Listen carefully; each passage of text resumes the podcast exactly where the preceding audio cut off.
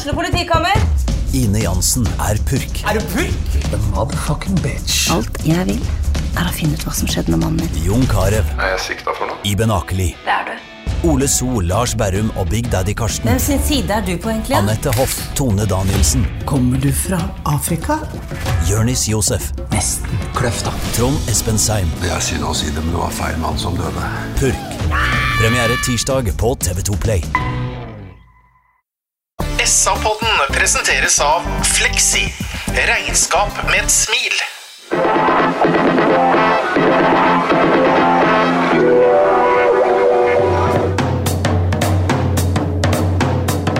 Sarpsborg Arbeiderblad gir deg en ny episode av SA-podden med Sven René Nygård, Øystein Weber, Petter Kalnes og Bjørn Inge Bingen Nilsen. Hjertelig velkommen til en ny utgave av eh, SA-podden, Sarpsborg Verbas egen eh, fotballpodkast. Vi har flytta i studio fra Jernbanegata 11 til St. Mariegata et eller annet. Olsen pub. Langt eh, hyggeligere, og dessuten er det langt hyggeligere mennesker her. Tusen takk for dere som har kommet hit. Pleier å sitte her med disse her bare, men det er mye hyggeligere nå. I hvert fall, Dette er vårt kickoff for seriestarten. Det betyr at vi skal preke mye om uh, den sesongen som kommer. Her sitter mannen som er uenig med de aller fleste. Også seg sjøl, faktisk. Bjørn Inge Binge Nilsen. Er du Binge. Hei, hei. Vi har uh, han som er uh, hele byens lagkaptein, som dere vet. Han er, har kronisk hoste. Og omtaler seg sjøl gjerne i tredjeperson, sånn som eh, konger og andre gjør. Sven René Nygaard. Takk, takk, hei. Og så er det da Vedatoppens store sønn. Han er mer veltalende enn Kåre Willoch. Øystein Weberg. Jeg heter eh, Petter Kalnes og er vaktmester i dette laget. Vi skal starte med Bare å klappe.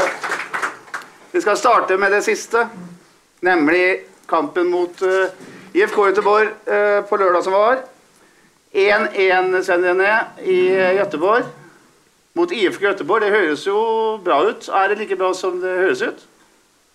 Ja, det, det var en veldig solid fotballkamp. Eh, så skal ikke jeg strø noe salt i såra i forhold til resultatet. Først så var det jo han der eh, høyrebekken Sakkar. Han eh, fikk jo trøbbel i tårnet. Han hedda jo ballen rett i mål, holdt på å ta en par ganger til òg. Men, men vi spilte en meget god offensiv fotballkamp. Vi skapte mye muligheter. Vi hadde gode, gode relasjoner.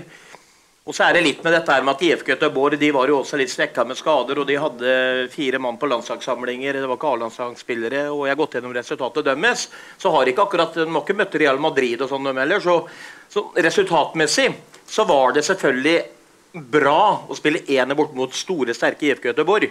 Men jeg tror kanskje at det, lyver litt i forhold til at kvaliteten på IFK ikke var veldig bra. Men som jeg sier, eh, spesielt det offensive spillet, det varmer hjertet mitt om dagen. Det, det er eh, Ja, det brukte litt tid, men etter hvert så syns jeg de spilte litt ball i hatt med IFK i store perioder, og det er godt å se på bortebane mot de. Hva er angrepsspillet du likte best, Øystein? Eh, Ja, både ja og nei. Vi, vi lager jo ikke noe spillemål sjøl i den kampen her. Eh, Det er jo et, er jo et komisk mål faktisk som vi, vi sitter igjen med. En upressa IFK-forsvarer header ballen knallhardt forbi en sjokkert keeper. Men, eh, men det er som Sven sier, det er mye positivt i det offensive i laget nå. Og nå blir det nok kunsten etter hvert å kunne komponere dette. Ja, men John Alvåge, keepertreneren til Sarpsborg 08, han uttaler på forhånd at han bekken her, da, Samuelsson, eller Salomonsson, er litt usikker. Ja. Salomonsson. Ja, han var en av allsvenskans beste, var det endre. Han traff jo godt der. Ja, gjorde det. Eh, det inntrykket vi sitter igjen med, Bingen, eh, det er Syns iallfall jeg, da. Man har ball mye, spiller fint, fine kombinasjoner.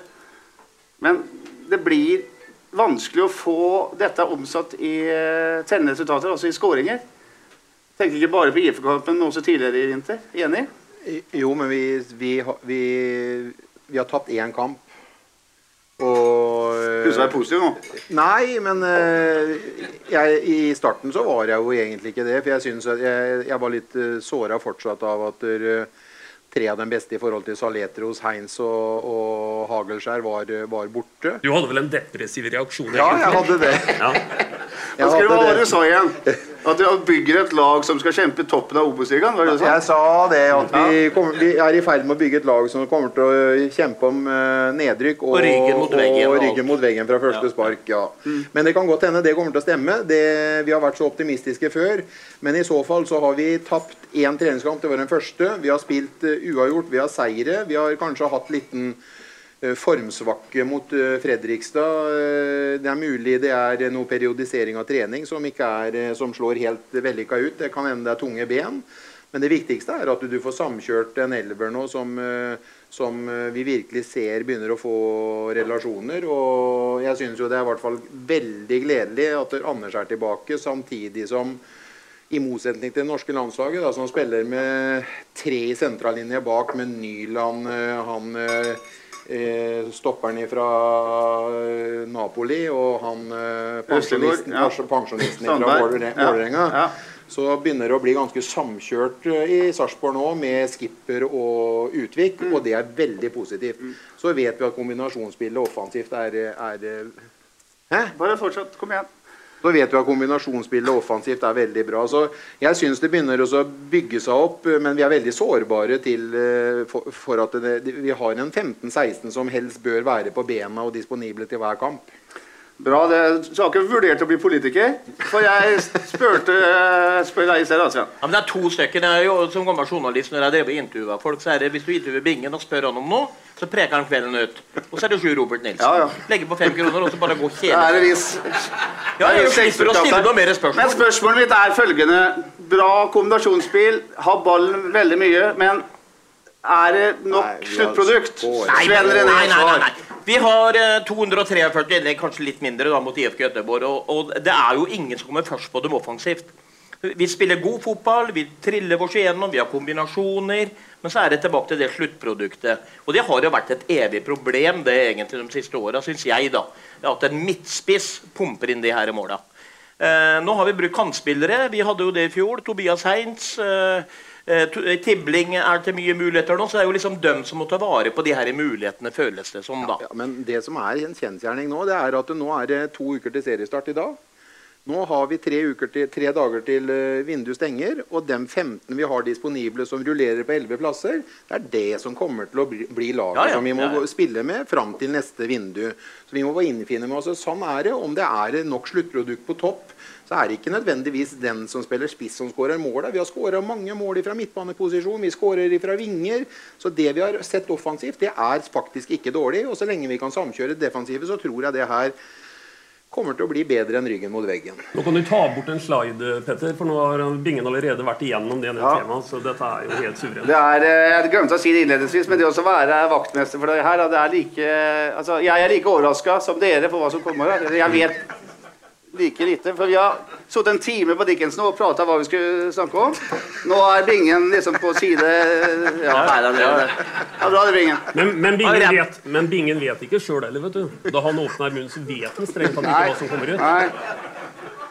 Men sluttproduktsaker Jeg gir meg ikke, Øystein. Vi snakker om sluttprodukt. Det vi prater om når det gjelder spillere inn, er en midtstopper. Er det Ja. ingen, Hvorfor snakker vi ikke om noe annet? Nei, det er jo et godt eh, spørsmål. Og øh, nå blir jo spørsmålet etter hvert også Du har jo vært inne på det tidligere, Petter. Eh, Det er jo en viss trener i City som hadde en formasjon en gang som ikke så veldig lenge siden heller, som var 4-6-0. Eh, For det er klart at eh, det er Hadde dere mot United i Champions Ja. League-finalen nå? Ja, for det er klart at eh, vi har sett et par stykker der som heter f.eks. Viktor Torp og, og Lundqvist etter hvert, som også kan tenke seg at eh, kan, kan gjøre en eh, offensiv eh, jobb her. eh. Og så er det kanskje et poeng til. Eh, Både Bjørklund og Billborn de er tydelige på at i lagene de tidligere har trent, så har ikke nødvendigvis vært midtspissen som har vært storprodusenten av mål. I Hammarby så var det kantene som skåra mest.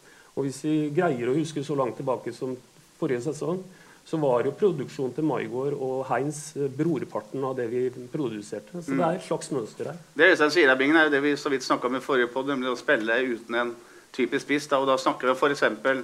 Ramon Pascal Lundqvist og Viktor Torp som eh, to sentrale lengst framme der. Det, Høres så spennende ut? Ja, og Den dagen som, eh, som junior er tilbake, så er det opplest og vedtatt at han skal spille sammen med, med Jeppe Andersen. Mm. Og da mener jeg definitivt at der, hvis det skal gå, på bekostning, gå, gå på bekostning av Torp, så er det feil. Han bør eh, Har jeg dårlig lyd hele tida, eller? Jeg hører mer enn godt nok. Ja, da, da er det da er det sant at eh, Viktor Torp er for god og for viktig til å ikke få lov til å, å være i laget, så han kan fort bli den spissen som uh, vi snakker om. Ja, bra. Det er et uh, interessant tema. Vi har uh, Det er to treningskamper igjen. Dvs. Si det er en liten kort, rar kamp to ganger 30 minutter mot HamKam på onsdag. Halv ett. Og så er det generalprøve på søndag mot Stabe, klokka tre på stadion. Da får vi sikkert noen, noen svar. Uh, Jeppe Andersen blir nevnt her. så Sven, vi hoppa litt nå, men det her er eh, interessant. Dansken som spiller sentra på midtbanen, nummer åtte, som kom fra Hammarby. Eh, som har vært litt vanskelig å få litt tak på i år. Jeg syns han var veldig god mot Ionbuk i Marbella-bingen. Den kampen så du live òg. Ja. Kaldt og jævlig var det. Ja. Og så var han bra nå, Sven. Du har jo sagt at han her kommer når det gjelder. Ja, jeg ble, veldig, jeg ble veldig overraska når Bingen sa det var opplest og vedtatt at han skulle spille med junior. For egentlig så har jo Bingen snakka han ganske mye ned, syns jeg, da. Men det er en annen sak. Vi er jo ikke enige om alt, vi, Bingen. Det har vi aldri vært. Men uh, jeg syns jo det, da. Jeg nevner det nok en gang. Han er en sånn en gammel travhest eh, for Kallen. Han er jo ikke gammel, men uh, når han møtte IFK Göteborg nå, så girer han om litt, og du ser han har mye i seg. Han, uh, han kommer til seriestart, og han kommer til å bli viktig. Han, han er en vinner. Han uh, spiller enkel fotball. Noen ganger kommer han på den løpet. Han skjærer mye pasninger. Han, uh, ja, han virker litt treig i draget noen ganger, men uh, en meget bra fotballspiller i mine øyne. Og jeg tror han bare kommer til å bli bedre og bedre og bedre, som mange av de andre nye spillerne blir. Bortsett fra Bonsi Ba, for han har vel egentlig verdensstjerne alt. Han har vi han er klar alt. Ja. Eh, det vi også så med Jeppe nå, Weber, det var jo en fire-fem, kanskje til og med seks crossballer. Fine, presise, effektive passinger mot motsatt cornerflagg. Alle som spilte fotball, lærte jo det. Slå mot motsatt cornerflagg, det er bankers pasning. Ikke sant? Det lærte vi. Ja.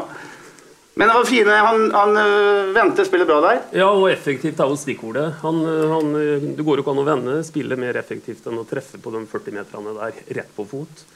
Og han viser fram den dimensjonen der. Han, eh, han, eh, han, er definitivt en god fotballspiller. Og for å gi Bingen et poeng, så, så, så, er han ikke Usain Bolt. Han er ikke det, Bingen. Men han har, en del andre, han har en del andre egenskaper. Så jeg tror han blir, som sønnen sier, nyttig for oss. Men, jo, ja, ja, men så lenge det er Billborn sin mann, så kommer han til å spille. Jeg, samme hva jeg sier om at jeg syns han er iallfall liten radius og løper uh, for mye inn i midtsirkelen og har for mye balltap. Men han kommer til å spille. Og ellers hadde aldri han blitt henta. Det er gamle kaptein til uh, Billborn, så det kommer til å være mannen hans som skal, uh, skal, være der. Så du er ganske sikker på at han har bestemt seg, eller Billborn vil ha junior og han bestemmer hverandre? Det er jeg helt overbevist om. Ja. Når uh, junior er klar, så spiller de to. Mm. Han Sven har vært sånn trenerens mann hele tida, derfor han spilte så mye, vel? var det ikke det? Det er måten du preker til trenerne på, vel. Du kan ikke være helt tulling. Han er jo mye du kan gjøre bare med praten. Preka du deg inn på det, det dårlige SVK-laget der? Preka meg inn på laget mange ganger, ja, altså, men uh, det er flere av oss som har gjort det opp igjennom. ja. Bilselger kan jo preke seg inn på sikkert på laget. Men. Hæ? Ja, Bilselger kan det preke seg inn på der og der. Ja, ja, ja. Preke seg inn mange kamper i sjakk her. Uh, jeg syns altså det blir litt for lite ut av et uh, veldig overtak spillemessig, i periode i hvert fall. Men Øystein, det er litt for enkelt å skape sjanser mot det laget òg. Det er litt samme som vi så i fjor. Er du enig? Ja, det er det. Og noe av hovedproblemet som vi har vært inne på mange ganger, er at uh, med de bekkene vi har hatt, så er vi sårbare i forhold til tempo. Og vi er sårbare også for at vi står veldig høyt ofte. Og, og vi, vi, har jo sagt mye pent om en Joakim Soltvedt, men det er ikke noe tvil om at uh, han sliter med å rekke hjem. Eh, hvis han også skal ha den rolla vi gjerne vil se han i, nemlig å være høyt oppe og kanskje være nest sist på en ball. Så, så vi er utsatt når, når vi møter kontringssterke motstandere. Det vi så om lørdagen, Sven, er jo ofte at uh, midtstopperne slår en pasning opp på en kant. da. La oss si at det er tibling. Og faktisk, idet Tibling får tak i ballen, så er Soltvedt allerede forbi den. Altså lenger fram i banen. Og det er klart, Da har, da har Joakim Soltvedt eh, lang vei hjem. Ja. Hvis man mister ballen, mener jeg. Ja, eh, og bare for å ta Joakim litt eh, Prate litt mer om han, så er eh, Hvis jeg skal være bånn ærlig, da, så tenker jeg at Joakim Soltvedt er for dårlig defensivt til å spille i Eliteserien. Men han er ekstremt god offensivt i Billborns fotball. Altså, det er Billborns fotball.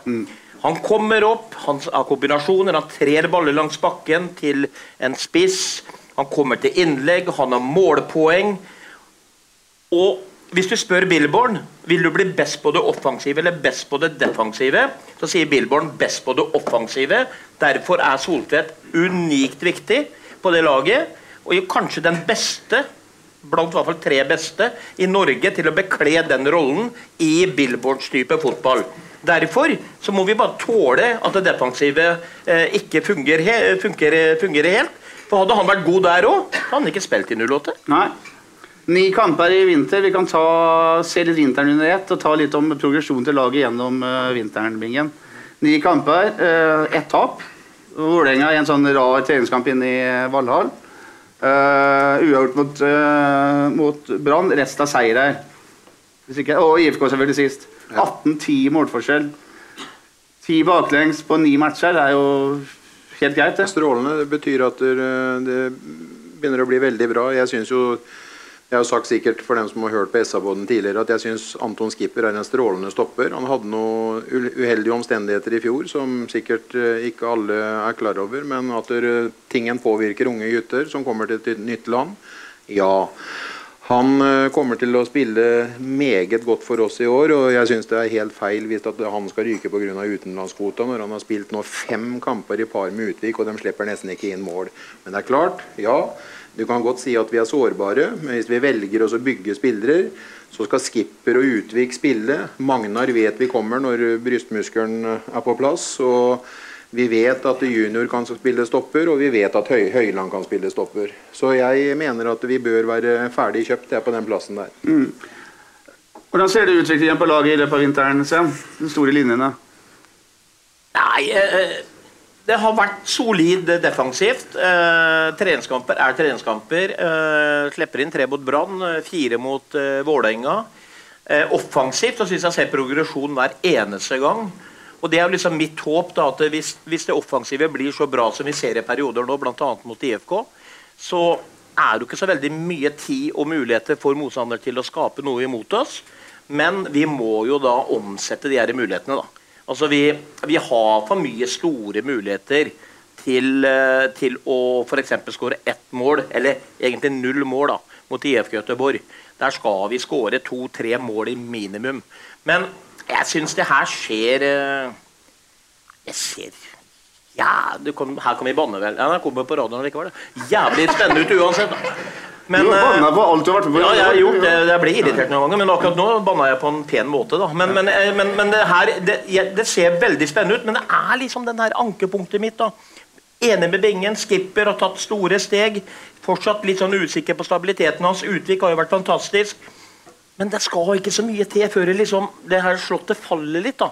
En strekk på den ene, ikke sant, og sånn, så er vi litt Ja. ute og kjører. Og det syns jeg er litt tungt. For vi har ikke de her store alternativene. Magnar bare får løfta venstre brystmuskel nå og er klar, ikke sant. Så, så blir det Da har vi jo en til. Han er jo fortsatt litt skada.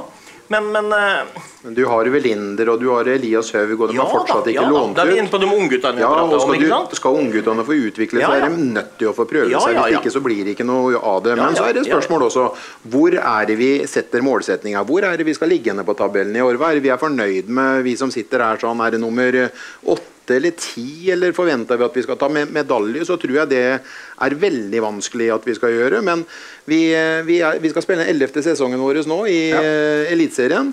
Og det er klart at Vi må stikke fingrene i jorda og se det at det har gått et tog nå i forhold til Molde og Bodø-Glimt. og Brann har fått en bra oppkjøring og oppsving, og vi ser at Rosenborg gjerne vil henge på. Og så går det litt grann, eh, kanskje ikke så godt økonomisk for et mellomsjikt og et båndsjikt. sånn, så Det er eh, tøft å henge med helt i toppen, men jeg må jo si det at kommer vi ut av den sesongen her sånn med en del nye, unge, spennende gutter, som f.eks. da eh, en skipper som bare er 23 år, og vi har en Martin Høiland og vi har en Bon Soba som, eh, som, skal spille, så ser det her veldig spennende ut. Men vi må liksom være liksom sånn realistiske i forhold til hva vi har. og Klarer vi en tiende, åttende, tiendeplass med det laget her, sånn, tror jeg vi skal være strålende fornøyd. Ja, og Da var Bingen på punkt ni på lista vår, der vi skal snakke om hvordan sesongen kommer til å ende. Ja. Det er en slags slutt, da. Bingen, ja, så gå, så gå hjem. Ja. Bingen var, nevnte så vidt her nå, da. Eh, når Vi snakker om, vi må jo snakke litt om hva som er alternativene. og Vi har jo en i klubben nå, gutter, som ser ut som han har trena crossfit helt fra han ble, kom ut. Uh, Høyland. Ja. Og, og, han beviser jo at han har et veldig høyt laveste nivå. Og han har gått inn og tatt en, blitt en sånn supersub, han. I, eh, både sentralt og som stopper. Han kan gjøre begge deler. Så det er ikke noe, han er faktisk ikke noe ren nødløsning. Han, han, han, har levert når han har fått muligheten, og det er godt i dag, for vi er tynne, som vi snakka om i den lagdelen der. Så har også vinteren vist, eh, Sven og Binger, kan ta deg Sven først, da, at noen har brukt litt tid på å komme inn i dette laget. her. Eh, spesielt Tibling og Torp, som kom i fjor sommer. Det var bra dem i fjor høst, men det var jo ikke noe der, wow. Jeg syns begge to har vært helt glimrende i vinter. Sven. Ja, og Tibling kler den kantrollen. kantrolla. Han har jo hatt den uh, som jeg har forstått, veldig mye tidligere. Og det sa jeg vel i pod nummer én, at det er den som kanskje blir en av de viktigste, ikke den viktigste spillerne i år, hvis jeg holder skadefri, det er Torp. Han leter etter rom, han kommer til avslutninger, han har god skuddteknikk, han har bra pasningsspill. Han har vært strålende. Og eh, jeg vet ikke om det er punkt på lista di, men jeg blei jo jævla nervøs da når jeg så han satt der nede og ble tatt på kne og grina på trynet mot ja. IFK Göteborg. Og da må jeg bare si det til alle som er her at det er kanskje det merkeligste jeg har sett. Hvis du kommer inn og er halvsjuk og orker ikke mer enn fire minutter før du setter deg ned på rumpa, for da er du dødssjuk, og så må du bytte ut. Ja. Det er en uh, merkelig sak som uh, Men gud, så glad jeg var når du fikk uh, sa på eteren her at Nei, det er snakk om en sjukdom. Jeg trodde han var ferdig for jeg liksom at nå, ja. nå, har Petter fått feil informasjon nok en gang, liksom. For det, er, det kan jo ikke stemme. Men nei, han har vært strålende. Og Tibling blir utrolig spennende i år. Altså, han har stått bak mye i treningskampene. både i pasninger, kommer til sjanser, skårer mål. Så nei, det ser spennende ut. Så Tobias Heinz er eh, nesten erstatta. Men hør på meg nå. For første gang siden at Jonathan Linseth forsvant til eh, bulgarsk fotball, så fant man jo en sånn hengende spiss i Viktor Torp. Bingen. Ja. Og så gjør da klubben det at de kjøper en uh, spiller som da skal være enda bedre, Ramón Pascal Lundqvist, på den plassen og må flytte Torp dypere i banen. Mm. Logikk er jo ikke, men uh, det er tilfeldigheter som gjør at det blir sånn. Er det sånn å forstå? Ja, og da mener jeg at Torp uansett skal spille i det ja, laget her. sånn. Og... Men ikke den rolla som Lundqvist har vært i? Jeg, jeg, er usikker på det, for tydeligvis så skal Lundqvist spille i den rolla. Han skal spille i den rolla. Han kan også sikkert spille høyere opp, og, og Torp kan spille i den rolla. Men uh, Torp skal spille på alle lag uh, som Billborn tar, tar, ut så lenge han er uh, skadefri. Han har utvikla seg enormt og blitt mye mer trygg i, i laget og har tatt en, tatt en, rolle. Han har skudd, han har dødball, han er veldig fin med, driv, med ballen og driver framover. Og han ser også muligheter foran seg i banen. Så det er en veldig god spiller som har utvikla seg enda mer enn han fikk vist fram i fjor høst. Mm. Ja, og så tenker jeg det dreier seg Vi må være litt sånn som treneren, vi må spille med det vi har. Og Sven er litt inne på det. Vi snakker ofte om det vi har mista. Og det er ikke noe tvil om at vi, vi, var litt nede i januar i forhold til vi har mista en Heinz, vi har mista ikke minst en Saletros. Men da er det altså sånn at du, du får noe, og det gjelder å på en måte utnytte det. Og, og, vi har vært litt inne på, som Sven var inne på nå, det med Tibling. Tibling har kvaliteter som Heinz ikke hadde. Eh, det er klart det skal noe til å kopiere Heinz fra i fjor, for da kunne den gutten nesten gå på banen en periode. Og det å skåre 15 mål fra en kantposisjon er nesten helt unikt. Det kan vi ikke forvente at Tibling skal kopiere. Men vi kan forvente at han eh, kommer til å stå bak veldig mye. Og så tror jeg også det at det at Saletros er eh, ute, og det er jo det han er det gir f.eks. en tier en eh, litt andre arbeidsbetingelser som godt kan passe tieren vår i år bedre. Så tenker jeg det at der, Hvis man ser for seg at der, eh, man ikke starter med en spiss, som Guardiola har gjort noen ganger, men du kan starte med det jeg tenker, da, Pascal som en spiss. Altså Han bør ikke være en ren spiss som skal true bakrom. Men når vi har så mye ballkontroll og broderer oss igjennom, en Pascal som kan møte, vinkle, åle og sånt noe, og komme rundt på kanter, så kan de her gutta stupe inn foran måla likevel. Så det er ingen dum løsning. De blir da kanskje enda bedre offensivt, da. Selv om det å true et bakrom som regel er nesten en nødvendighet for å strekke på motstanders bakre firer, så kan det være en spennende løsning. Jeg ser ikke noe grunn til at man ikke kan spille med Torp som en hengende tier og en Pascal som en Jeg ville heller hatt Pascal på topp da, enn Torp opp og Pascal ned. Så det, Jeg tror det kunne vært kjempespennende. Begynner å lære nå, Svein. Ja, ja. Jeg har kurs her, jeg, vet du, Bingen. Men da snakker vi om også- Da snakker jeg B-kurs, ja. Da snakker Nei, du, Du har brukt noe mer enn B-kurs, du? Herregud, det er jo se. Kjetil Rekdal var jo sensoren min. Fikk jo faen meg eh, ett poeng under toppscore. Kjetil Rekdal bare klødde seg i huet. Det er ikke noe kødd, det. Skal jeg gå hjem og hente papir? Her er rekker vi det. Ta med, ta med diploma dine neste gang. eh. Nei, nei, den er sånn, gitt. Den er sånn. Eh, Hva jeg skulle si for noe igjen? da? Glemte jeg det òg. Jo, da kan man jo ikke spille spiss på tradisjonell måte. da. La oss si en med, med, med to spisser, be med øter og én stikker. og Jo, jo, må men- gjøre det på en annen måte, da. Jo, jo, men, ja, ja, på en annen måte, men ikke så veldig på en annen måte. Altså, vi sitter og snakker med Bon Suba. Spill ballen ut til høyre, tar tre skritt rett ned, spretter inn til venstre, har et falkeblikk. Pascal, har du sett de løpene han har tatt de siste kampene? Stikker imellom stopperne. Bonsu trer, rett igjennom. Ja, men det, det er, fotball er enkelt, vet du. Når du kan det, ja? Ja, ja. Ja, ja. Så tenk om du hadde gjort sånn. Ja. Nei, men seriøst, altså Pascal går på de her løpa, og vi har spillere som ser de løpa. Så det er ikke noe sånn, det er ikke noe sånn idiotetanke, det der. altså. Nei, Da nevner du Kristoffer Bonsuba. Nå bruker vi resten av kvelden på han. Skal vi gjøre det? Ja, var det, Hvem punkt var det? Det var punkt eh, ja, fire av alt. Det går unna. Fire av 16. Det går unna. Eh, vi var over oss av begeistring etter Moss, etter eh, Godset, etter Fredrikstad. Bob Bob motstand, egentlig. Godset var dårlig. Mandal er i første divisjon. Fredrikstad var svake. Uh, IFK Göteborg er bra motstand, eh, Øystein. Er du like frelst etter å ha sett Bonsuba siste halvtimen på lørdag? Ja, altså, det er jo helt riktig som du sier, at uh, av de kampene du nevner der, så møter vi den tøffeste av de fire siste kampene. Ja, jeg syns han fortsatt Det er grunn til å håpe at han skal trylle den våren her. Ja. Uh, han åpner faktisk litt sånn uh, famlende akkurat i innhoppet sitt mot uh, Göteborg, men så ser du igjen uh, det den gutten der uh, kan. Og vi har snakka mye om det, at det å se en ung afrikaner med en enorm nærteknikk, det har vi sett mange ganger. Men det han gjør etter at han har dratt av en mann og, og stikker den ballen mellom ledd osv., gjennom ledd, det er eh, ja, det er, det er en nesten unik pakke altså, som vi har fått her. Så jeg må gjenta det som jeg tror mange her sitter og lurer på. Hvordan i himmelens navn havna den gutten i Sarpsborg? Mm. Den ene situasjonen vi ser der, eh, Sven eh, dere, Mange gamle her som husker Pelé. Husker Pelé, gjør nå. Men jeg har sett eh, TV-bilde av Pelé som får en lang pasning. Så kommer han alene med keeper. Som, det er en 50-50-ball. Så hopper han over ballen. og Keeperen forsvinner ene sida. Pelé løper rundt og setter den i åpent mål. Det er det Bonsuba gjør om, eh, om lørdagen der. På 25 meter fra egen eh, kasse, Sven. Klart, går det der gærent, så ser det forbaska dumt ut, men det går jo ikke gærent. Det der er, eh, det er ekstremt. Ja da, jeg, jeg bare ta en ting først der, fordi vi er hos han Jørgen og som var med på å sponse, så vi var så heldige for å se den kampen her. Så jeg satt jo her og så den kampen. Og etter at det var litt famlende åpning, så sa jeg til dem som var her, at eh, fy faen, altså. Her har vi kjøpt katta i sekken. Og skulle sett trynet på dem da.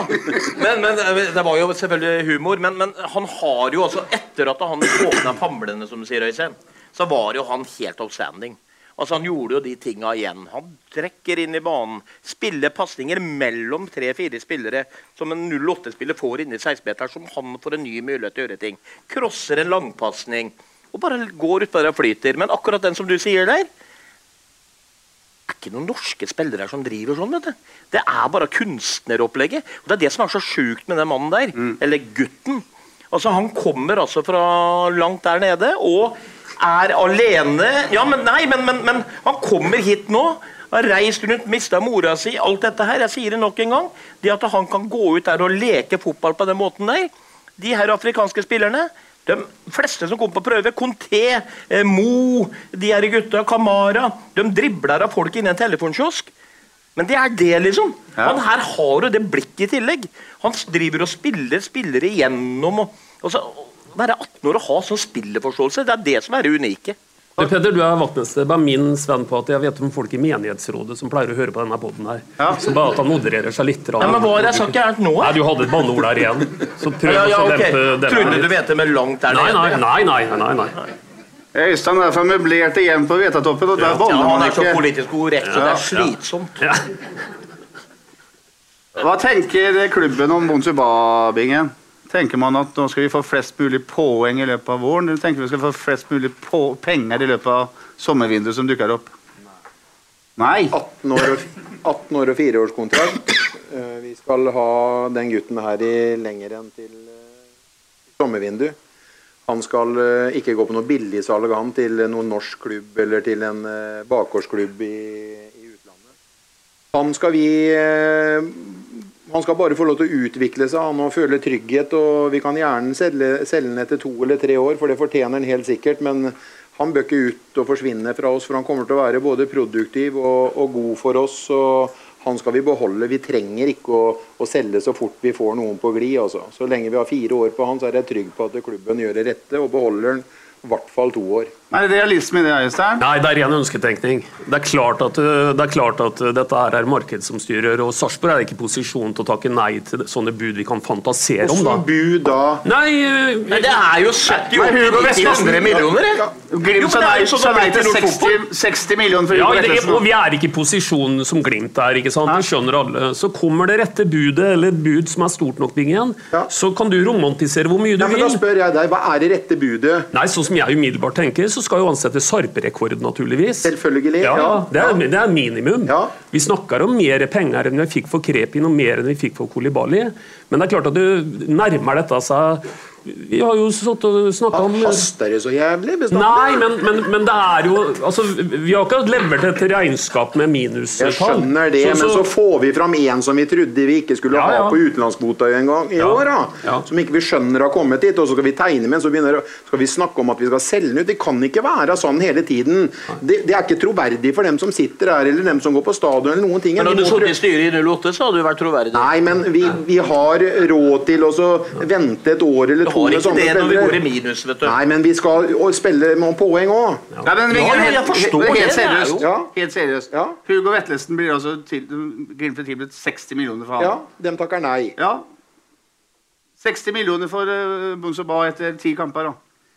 Jeg, jeg tror fort, hvis det går litt gærent i Bodø-Glimt, at ikke dem er noe lenger framme økonomisk enn oss. Ja, for at de har tatt hjem alle dem solgte ut. Men drit i det. Svar på det 60 du millioner spør for! Svar på det du Ikke drit i Bodø-Glimt nå. Hvis vi med dagens regnskap 60 får 60 millioner millioner Hadde du sagt nei til 60 millioner på Bonsoba 15. august?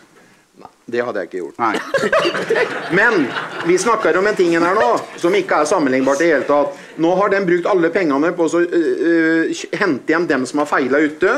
De har gitt dem sign-on-fier på mellom, 10 og mil, mellom 5 og 10 millioner.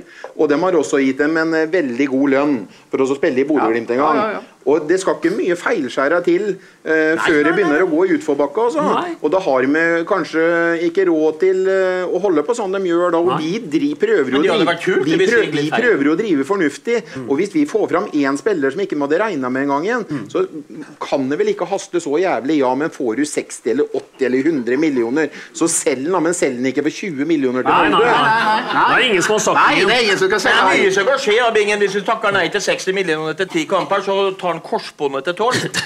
Jo, men, jo, jo, men, men som man sier, i Sarpsborg 08 sin Spiller vel fotball, vel? Det kan vel ikke tenke på om han tar korsbåndet? Nei, men hør nå. eh. 60 millioner etter 10 kamper Jeg blir spørsmålet. irritert på dere gutter. Ja, nå må vi bli. Store forskjellen på Bonsoba og Kepi Diata for eksempel, Øystein, er jo at Diata bruker lang tid på å komme inn der. Det går så lang tid at uh, styret mer eller mindre ber Geir Bakke om nå må du se få brukt den for å få solgt den. ikke sant? Ja. Ser ikke ut som Bilderborn bør få en sånn type beskjed her. Nei, jeg håper inderlig ikke det. Jeg, jeg hørte Berntsen snakke noe om Kristoffer Bonsuba, om at det er en ung gutt, vi skal gi ham tid osv. Berntsen, hvis du hører på det her, han skal ikke ha tid, han skal ha en ball. Og han skal spille. Det er ikke noe å lure på.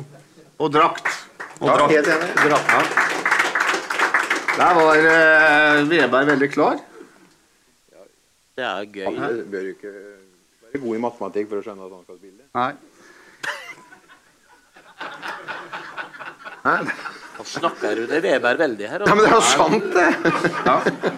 Det er nesten sånn at det er, hvis du er god i matematikk, men, skjønner men, men det er viktig, da, tenker jeg. fordi at jeg har vært litt sånn bekymra etter de poddene våre. Og jeg satte han Øystein, og han Øystein han går rundt og går med sånn Bon Suba-flagg oppi i byen. omtrent. Altså, vi, altså det, som jeg sier noen, det er en liten guttunge, tross alt. Uh, han har prestert på et meget høyt nivå.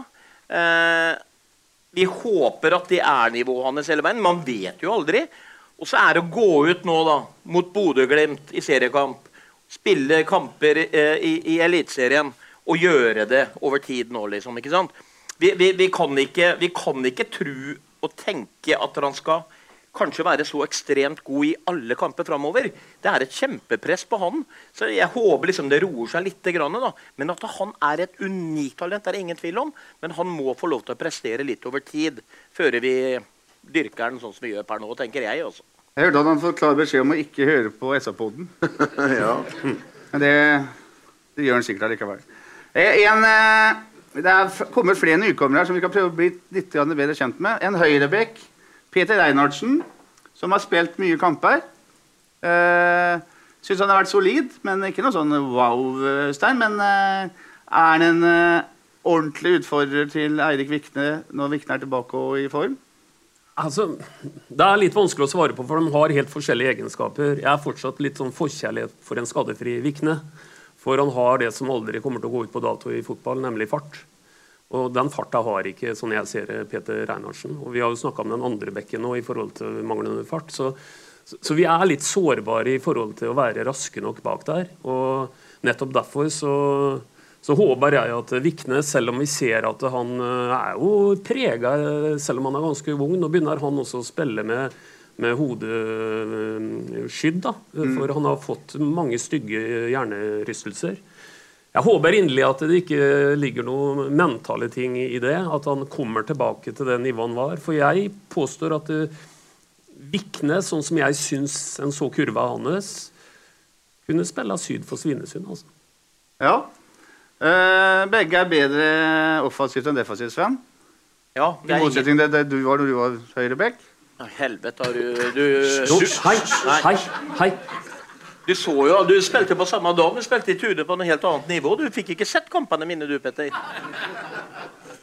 Nei eh, Begge to er klart best offensivt. Det er jo Vikne også. Eh, jeg, jeg har jo sagt mange ganger at Vikne også har jo masse defensive problemer. Han ruser og Men han har, som han Øystein sier, det her tempo, det internasjonale tempoet som han trenger som back i dag. da. Så jeg er litt bekymra for Einarsen defensivt. og det er klart Øystein var inne på det også. Hvis vi har, Se for oss Bodø-Glimt. To kanter som går som olje av lyn. Vi ligger og presser, og vi skal på rett vei når vi mister ballen. Det er klart vi får litt sånn trøbbel i tårnet. Det kan jeg ha lov til å si. Trøbbel i tårnet. Det er innafor, faktisk. Så er det Så har vi så, Men nok en gang, altså, Billborn har ett fokus. Selvfølgelig vil han ikke slippe inn mål, men det er liksom det offensive spillet. Og Reinhardsen er god der også. Så Men klart, Vikne skadefri, uh, uten hemninger, uh, går i dueller, uh, får tilbake litt av ballfølelsen sin, er for meg den som eh, bør spille på høyrebekk. En detalj med Reinhardsen-bingen som han også var kjent for i start, er at han gjør en del mål faktisk som, eh, til å være høyrebekk. Og det han har gjort eh, ett vel, og hatt et par-tre sjanser til her i, i løpet av vinteren nå. Han, han, han er ofte inne i, i midten, eller han er plutselig der, som du minst aner aner at han skal være som høyrebekk. Eh, han har vært produktiv, kommet inn, fikk nesten ikke spilt i høst uh, fordi at vi hadde den på en legesjekk her i Sarpsborg, og de uh, satt den på tribunen. Han har fått spilt mye i 08 i, i vinter pga. at Vikne har vært, eh, vært skada. Det er en god utfordrer til Vikne, men jeg tror Vikne kommer til å ta den plassen når han blir skadefri. Ja, det skal vi komme tilbake til. også senere, hvem som skal spille hvor på banen. Eh, siste eh, nykommeren som vi skal prate litt om, som vi har vært innom, det er mannen med det ganske sexy navnet Ramon Pascal Lundqvist. Det er ganske sprekt, det, dere få damer som er her.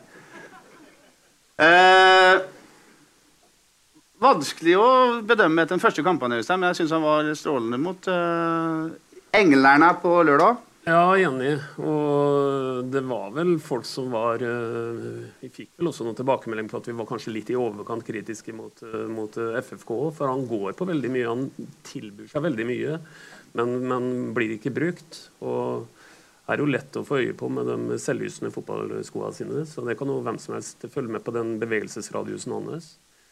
Så mm, han, øh, han er nok en spiller vi skal ha høye forventninger til. Og det er klart at en gutt som reiste ut som 16-åring og, og har vært igjennom de fotballskolene som han har, det er litt mer enn fotballskolen på Tune på sommeren, det han har vært igjennom. Det, det vitner om at han er litt utenom det vanlige. Og fotballskolen på Borgar, den er viden kjent. Det er noe helt annet.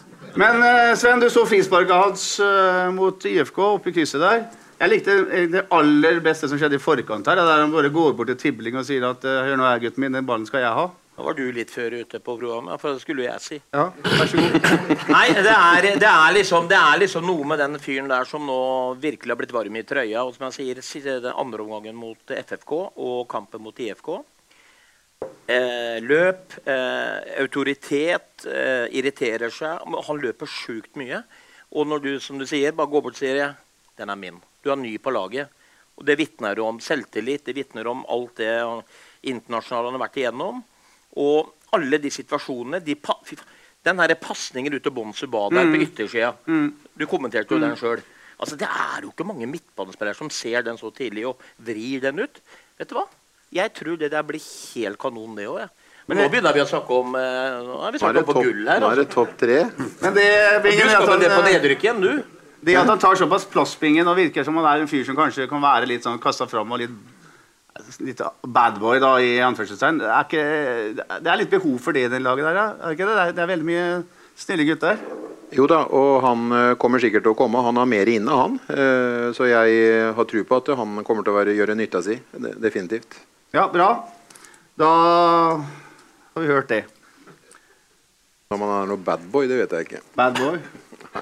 Åssen er den badboy-vingen på banen? Nei, jeg vet ikke. Liten?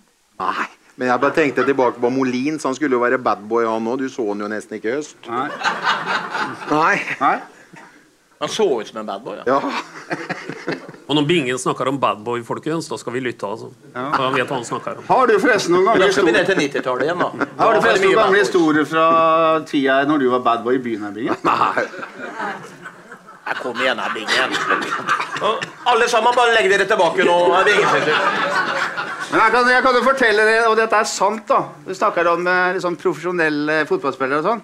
Jeg skrev en gang en sak med han Finn Johansen i SFK. Burde jeg fortalt den, har fortalt den før, tror du? Nei, jeg tror ikke det. Men i hvert fall var det sånn at de hadde jo vært på bortekamp her, med reiseantrekk. Så er det sånn SFK-greier på brøstet her. Og dro, kom hjem da. Det ramla ut flasker og spillere, og, og dro på byen. Og det fikk da styret i SFK såpass mye meldinger om, da. Og til slutt så var det sånn at uh, Finn Johansen følte han måtte gå ut med en sak i avisa om at uh, heretter så skal spillerne skifte før de går på byen etter at de kom fra bordet. Og det er faktisk sant. Og det er disse to heltene her. Men og- der- Du har, jo, du, du har jo en av utelivskongene som sitter der borte. Eh, Rune Olsen. Ja. Det var aldri noe janger, det, Rune. Det var, fall. eh, Nei, Bent, Bent, mener jeg. ja. Det var en cola og rett hjem, det. Men det skiftet der, Petter, det kan jeg bare fortelle om, for jeg var jo i det reiseantrekket. Og det burde ikke Finn Johansen bedt oss om å gjøre. Fordi vi fikk utdelt en sånn blå Catalina-jakke og rutete dressbukse. Og den, den Catalina-jakka hadde SFK-emblem. Det var så svært, så når du tok av deg jakka, så var hele jakka stiv. Det var akkurat som du kunne brukt som et telt. Hele venstresida var liksom et svært emblem. det sto- det går ikke på Du sto nede på klubb, du sto nede på Klubb Lagun og dansa med den jakka der. Nei. Så, jo, det gjorde du. Der jeg gikk jeg og pynta meg, og så bare bare helt eh, Ja, men det, det gikk ikke an å gå ut. Det er så Finn burde ikke bedt om det. Så det. lurer den på hvorfor de var uh, i andredivisjon. Ja, men vi støtter i hvert fall næringslivet her. Ja. Det gjør ikke guttene på laget i dag. Olsen er fornøyd. Ja, ja. Husker du forresten det når du Det er også en historie, apropos det her. Når han Kristoffer eh, Doff Sakariassen hadde spilt en fantastisk kamp på stadion her. Da tok jeg mikrofon, og så sier jeg til den at eh, Ja ja, Doff, dette her var utrolig gøy. Nå skal du vel hjem og unne deg noe godt i glasset. Forsto ikke en dritt. Forsto ikke at det var alkohol jeg tenkte på engang. Så han var liksom helt way out. Så Og det han egentlig sa da etterpå, var at jeg- får vel kjøpe meg noe smågodt sånn. Ja, ja. Så det er litt Det, forskjell. det, det må jeg si òg når vi var på La Manga, når, når Conny Karlsson øh, trena oss. ja. Så hadde Cato Klausen og jeg, jeg, jeg rom, og vi hadde jo flotte, flotte leiligheter ned mot øh, golfbanen der. Og dæven sier jeg til Cato det her er jo ikke bra. Eh, der ligger jo eh, masse ølbokser. Og så sto Conny Karlsson ute på verandaen ved siden av, og han oppfatta det jo det her sånn Neimen, for faen, not får du jo hva, sa han. Han syntes det var for mye grøt og kornblanding og Allerede da. Ja, ja. Vi tar, og så er det et par historier fra den der puben Men kan jeg ta en til? Nei, nei, nei. Nei, nå er jeg som er Nei, ikke noe historie. Nå, men det Ta snakker regi, Petter. toppsatsinga liksom, i forhold til liksom, Vi snakker om en Doff, vi snakker om uh, vi som måtte bytte antrekket vårt og danse på Kolb Lagun og sånn. Men når vi rykka ned med SFK til uh, den gangens uh, tredjedivisjon, var det vel da, hvor vi var på det laveste nivå, 91. ja, så bestemte jo meg for å gå på en ny sesong, og da fikk vi jo en ny trener, og det var Kenneth Øby. Og vi var jo litt vant i forkant der da, å ha med et par bager. Det ene var det støvler, i andre var det alkohol. Det var dritkoselig. Dro til Nybergsund og ramla ut i Sarp. Tap eller seier, uansett. Men så kom Kenneth Øby inn. Da var det slutt. Da fikk vi erstatta den bagen med øl med flatbrød. Og syltetøy. Det støva i kjeften min på hjemmekampene. Eller da vi kjørte på bortekamper. Vi var sånn og døtta inn sånn Det var sånn sår i munnvikene. Så der begynte storsatsinga i SFK den tida. Det var i 91. Ja, da begynte I 92 var alle lagene til samme i tredje Ja. divisjon. Nei, så det er liksom Ja, litt sånn forskjell, ja. ja. Bra. Okay. Gikk faktisk opp til første divisjon òg. Ja, ja, Ja, ja, ja. Veldig bra. Flatbrød er bra. Mens vi er inne på ting som ikke står på utgangspunktet sto på opplegget vårt her, så skal vi gratulere en 60-årsjubilant her i dag. Harald Kjus er 60 år. Der, der. Herlig. Gratulerer med dagen, Harald. Hyggelig at du feirer bursdagen din her sammen med oss. Grattis! Herlig. Overgangsmarkedet, uke én. Eh, han som er sjefen for det, han er plutselig aktuell for eh, AIK i Stockholm, eh, Mr. Weber. Thomas Berntsen. Tenkte du om det når du så det? Nei, jeg tenkte at sånne historier eller rykter eller sannheter, hvor mye det er i det, vet ikke jeg. Det oppstår vel fra tid til annen. Det er klart han har, øh, han har lang erfaring nå. Det er nok ikke sånn dussinet fullt av folk, og i hvert fall ikke som har sittet ti og et halvt år i en eliteserieklubb. Og det er klart at uh, En del av det som har vært gjort her i byen, har naturligvis blitt lagt uh, merke til. Og vi har jo frist i minne at han var høyaktuell for Gøteborg for fire år siden også. Så det er ikke noe bombe, det, at det, det oppstår. Og så får han tenke gjennom hva han vil. Det er klart det er en, uh, garantert mye råere verden der ute. Du blir spist opp helt sikkert fort hvis du ikke leverer eh, varene. Så det må, jo, det må jo ligge i bånn. Og så skal han også huske på at det er ti og et halvt år er helt unormalt lenge å sitte i en sånn rolle som han har gjort. Så det kan jo hende at eh, en kommer til et punkt hvor, eh, hvor en ønsker å gjøre noe annet både for den ene og den andre. Han er på utgående kontaktpingen. Tror du han øh, føler behov for å ta en ny utfordring? Ja, Det er jeg helt sikker på. Det er ganske naturlig det. At han vil føler at det, det, Vi snakker om AIK.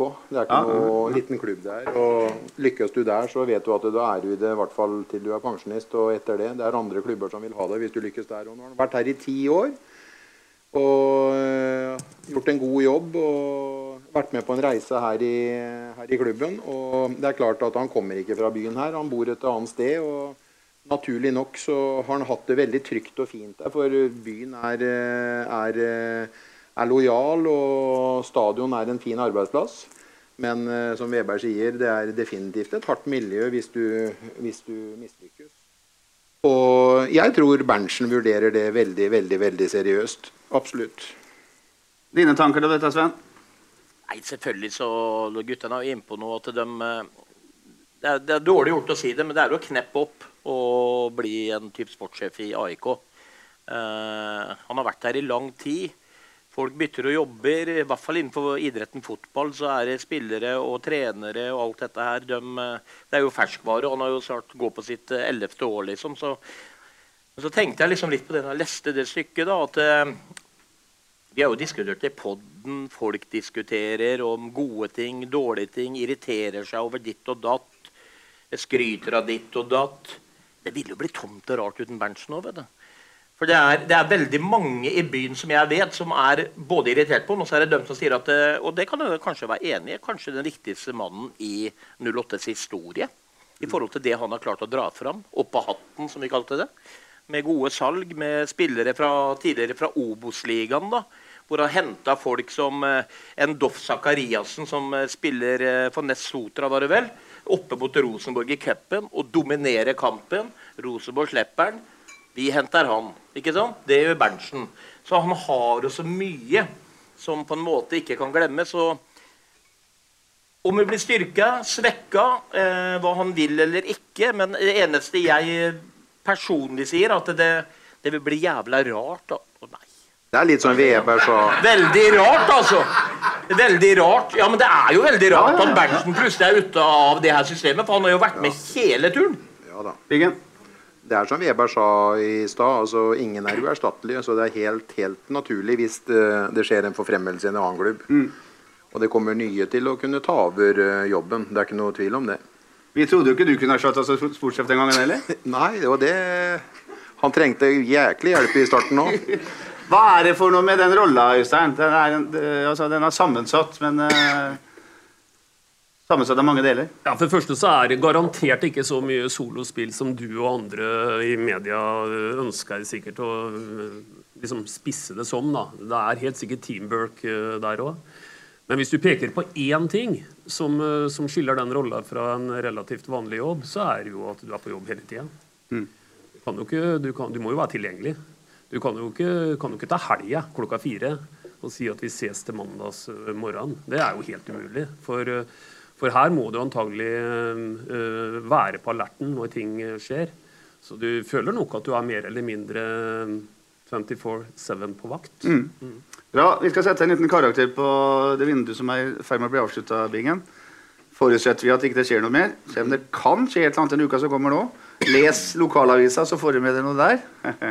eh, Jeppe Andersen, Peter Einartsen, eh, Raman Pascal Lundqvist og mister eh, Kristoffer Bonse ba inn.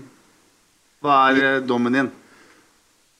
Jeppe Andersen, i forhold til hvor merittert han var når han kom, og hvor eh, mye vi fikk vite om han og hvor god han var, så føler jeg at eh, han har mer å bevise. Reinhardsen uh, fins det flere av, men en veldig god opponent mot, uh, mot Vikne. Når det gjelder eh, Ramón Pascal, så ser alle det at han kommer til å heve laget hvis han finner tryggheten og formen. Han er en eh, veldig god spiller, en veldig god signering. Og, og Bonzo Ba er udiskutabel. Men samtidig så må du tale liksom, til Berntsens disfavør at det da i en periode her er eh, fire utlendinger for mye i stallen. Ja, det skjedde noe på tampen her vet du, som de ikke hadde kontroll på helt sjøl. De sier jo at uh, han, Ramon Lundqvist kom litt sånn uh, Det var et case som dukka mm. opp, og som måtte ta. Og Berntsen sier jo også tydelig uh, offentlig at Kristoffer Kristoffer Bonsuba var en de hadde vurdert å signere i august. Og når du sier at Kristoffer Bonsuba var en du lurte på å signere i august, så går det an å oversette det vi var ikke i nærheten av å vite hvor god han var, er den andre mm. setningen på det. Du mm. signerer ikke han i august, som kommer til å, å prege Sarpsborg fra kamp én, er min påstand. Og Derfor så ble på en måte øh, Det ga en litt sånn ny twist i dette her med, med utenlandskvota. For da dreier det seg ikke lenger om å finne, finne låneklubber osv. til noen som vi fant det til i høst osv. Men da var vi plutselig i en situasjon hvor, hvor en kunne tenke seg at en, en skipper, da, hvis en nå skulle ha inn én spiller til, ikke bare skulle være skuffa over å få beskjed etter å ha spilt mer eller mindre hele preseason at du er ikke i elveren. Men du skulle faktisk tatt til deg skipper og sagt at uh, du er ikke påmeldt. Og I tillegg til det så er klokka fem på tolv nå, så du har ikke noen annen mulighet heller. Så det er klart at det, den, den, er jo heller ikke helt avklart, da. Uh, den. Bortsett fra som vi har snakka om, at det uh, er en som har gjort den forsesong som det står respekt av, så heter han Anton Skipper. Mm. Ja. I forhold til Skipper så er det avklart. Skipper forsvinner jo ikke. Og det beviser han nå når han har spilt seg opp også. Og hvis du skal hente en stopper for å ta ut en stopper som gjør det bra, så blir jo det helt unnskyld uttrykket idiotisk. Da må det være andre løsninger som kommer. Så Men jeg sitter og ser på Jeppe Andersen, Bingens eh, favoritt. Så tror jeg han blir superviktig. Bra eh, at vi henter han. Peter Einarsen er for meg et eh, opplæringsprosjekt som kan gå inn og bidra, men som ikke vil ta Elisabeth med storm på noen som helst måte, men kan gå inn og gjøre en god jobb etter de siste kampene med Ramón Pascal Lundqvist, så tenker jeg at han blir en attraksjon. Og så er jeg helt enig med guttene. Kristoffer Bonsuba holder seg skadefri. Er på godlune som han er nå. Han blir ikke bare attraksjon, han, bare, han tar bare hele eliteserien med åpenbaring. Og han Amman, heter han Amankwa, han der som spilte Du så det intervjuet med han. At det, det er jo det beste han har sett, liksom. Mm. Ja, Sier Sven som akkurat i stad sa at vi skal prøve å dempe litt nå. ja. Men Nei da. Eh, nei da, men, men, det må vi være ærlige på. Ja. Men, men, vi, men det, det, at vi hunser han opp nå Han må jo ta disse stegene videre. Men uansett om vi hunser han opp, så har jo ikke vi noe fasit og garanti på at det er dette vi skal se hele veien fram. Så han må jo nå jobbe med lagledelse med trenere, pedagogiske ting, for å på en måte fortsette det han har gjort. da. Og da er jo han en åpenbaring, og det ser jo alle. Så hvis du skal liksom sette en sånn en eh, 0 til 6, da, eller? På overgangsmarkedet på, den, den vindu, gjengen der. Én 1 til 6, tenker jeg. Ja, det er jo enig Binge, Men jeg tror, jeg tror, ikke vi bør ta inn entall heller. Men da hadde jeg gitt en uh... Er dere spente, folkens? Ja. Dette tar for lang tid. Hva hadde du gitt? Fem? Faen, vi er helt like. Vi er bra. Femmer. Så vanlig må Sven få det bekrefta andre steder før han svarer. Ja, ja. Øystein? Nei. Én til seks. Ja, jeg, skal jeg som vanlig bringe inn en liten tilleggsdimensjon i dette. her da. Og det er at vi lever i en relativt uh, nøktern eliteserieklubb kontra en del av konkurrentene våre. Vi kan ikke bruke penger som fulle og så skal ikke jeg si det yrkesvalget som du pleier å trekke inn. Journalister? Fulle journalister, kanskje vi kan si det. ja. Så det kan hende vet du, at, at selv om noen her har noen mangler osv. De to nede er ikke så mye å diskutere. Men eh, det er godt gjort, antagelig, innenfor det handlingsrommet vi har eh, økonomisk. Mm. Kanskje vi tøyer den strikken helt i grenseland langt, og noe mer enn dette kan ikke vi forvente. Nei. Og sifferet var? Ja, da Ut ifra det så er det jo en eh, fem pluss, da. Ja, Si ett eh, tall du, da, Biggen, så er vi ferdig. På, Én til seks. På dem fire? Ja. Det er tre pga. Jeppe. Fy faen, ja, det blir jo snitt, da. Bonzo ba i topp og Andersen i bånn, og da kom vi på sånn 3,2. 3,2. Det er jo, det er jo Terningkast 3,2, faktisk. Terningkast 3,2 Terningkast 3,2 på Berntsen. Der har du vel overskrifta til poden ja, etterpå. Terningkast 3,2, sa Bingen. Vi har en utsendt her som kommer til å skrive 'Bingen slakter Berntsen' som overskrift. Det blir bra. Det har jeg ikke ja, ja, Du gjør jo det med 3,2, da. Ja, vi får øvrig også avtalt på forhånd. Bingen, Bra. Vi hopper videre til eh, noe som også er morsomt, nemlig å ta ut førsteelveren. Vi gjorde et forsøk forrige pod Uh, vi skal gjøre et forsøk igjen. Og jeg er jo langt ifra sikker på at det blir det samme. Fordi vi, vi er jo aldri enige med oss sjøl engang. Men vi begynner i mål. Anders Kristiansen gjorde comeback om, uh, om lørdagen, Øystein. Det så solid ut. Ja, og han er jo førstekeeperen vår. Ja. Det er ikke noe å lure på. Ikke noe å lure på. Vil du ha Vikne, Reinhardsen eller Sander Kristiansen som høyrebekk? Ja, er Vikne klar, jeg? Vi forutsetter det. Ja. Ja, det var meg du spør nå, liksom? Ja. ja. Nei, altså, Viktende frisk og rask med hjelm og hele pakka, så blir det han. Forutsetningen er at han bruker hjelm? Ja, han bør bruke hjelm sånn som Utvik, for det vil skremme litt av motstanderen. Helhjelm, eller? Hele Nei, det holder med halvhjelm. Irriterer meg de greiene her. Har jeg fått sånn barnesett, eller? Du er tjukk i huet, vel? Ja, jeg har noe Ja, rart. Ja, det er sånn. Ta den mikrofonen Men har, har vi ikke den her òg? kan- Kan du ikke bruke den, da? Ja, men du må skru den på, kanskje. Da må sikkert mikse. Høyre midtstopper uh, midtstopper. tynn nakke. Høyre midtstoppervingen. Høyre midtstopper er uh, spiller ingen rolle hvem som er høyre eller venstre. Det er uh, Utvik og Skipper. Utvik og skipper. Og venstrebekk, uh, Øystein.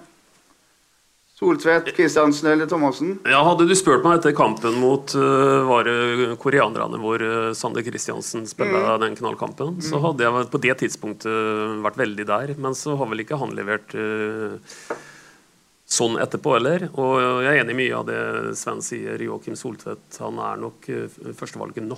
Og så langt så vi var- bare åpna helt eh, vidåpne dører her. Vi har sprengt dem til og med, for det laget her har vært enkelt å ta ut den bakre femmeren.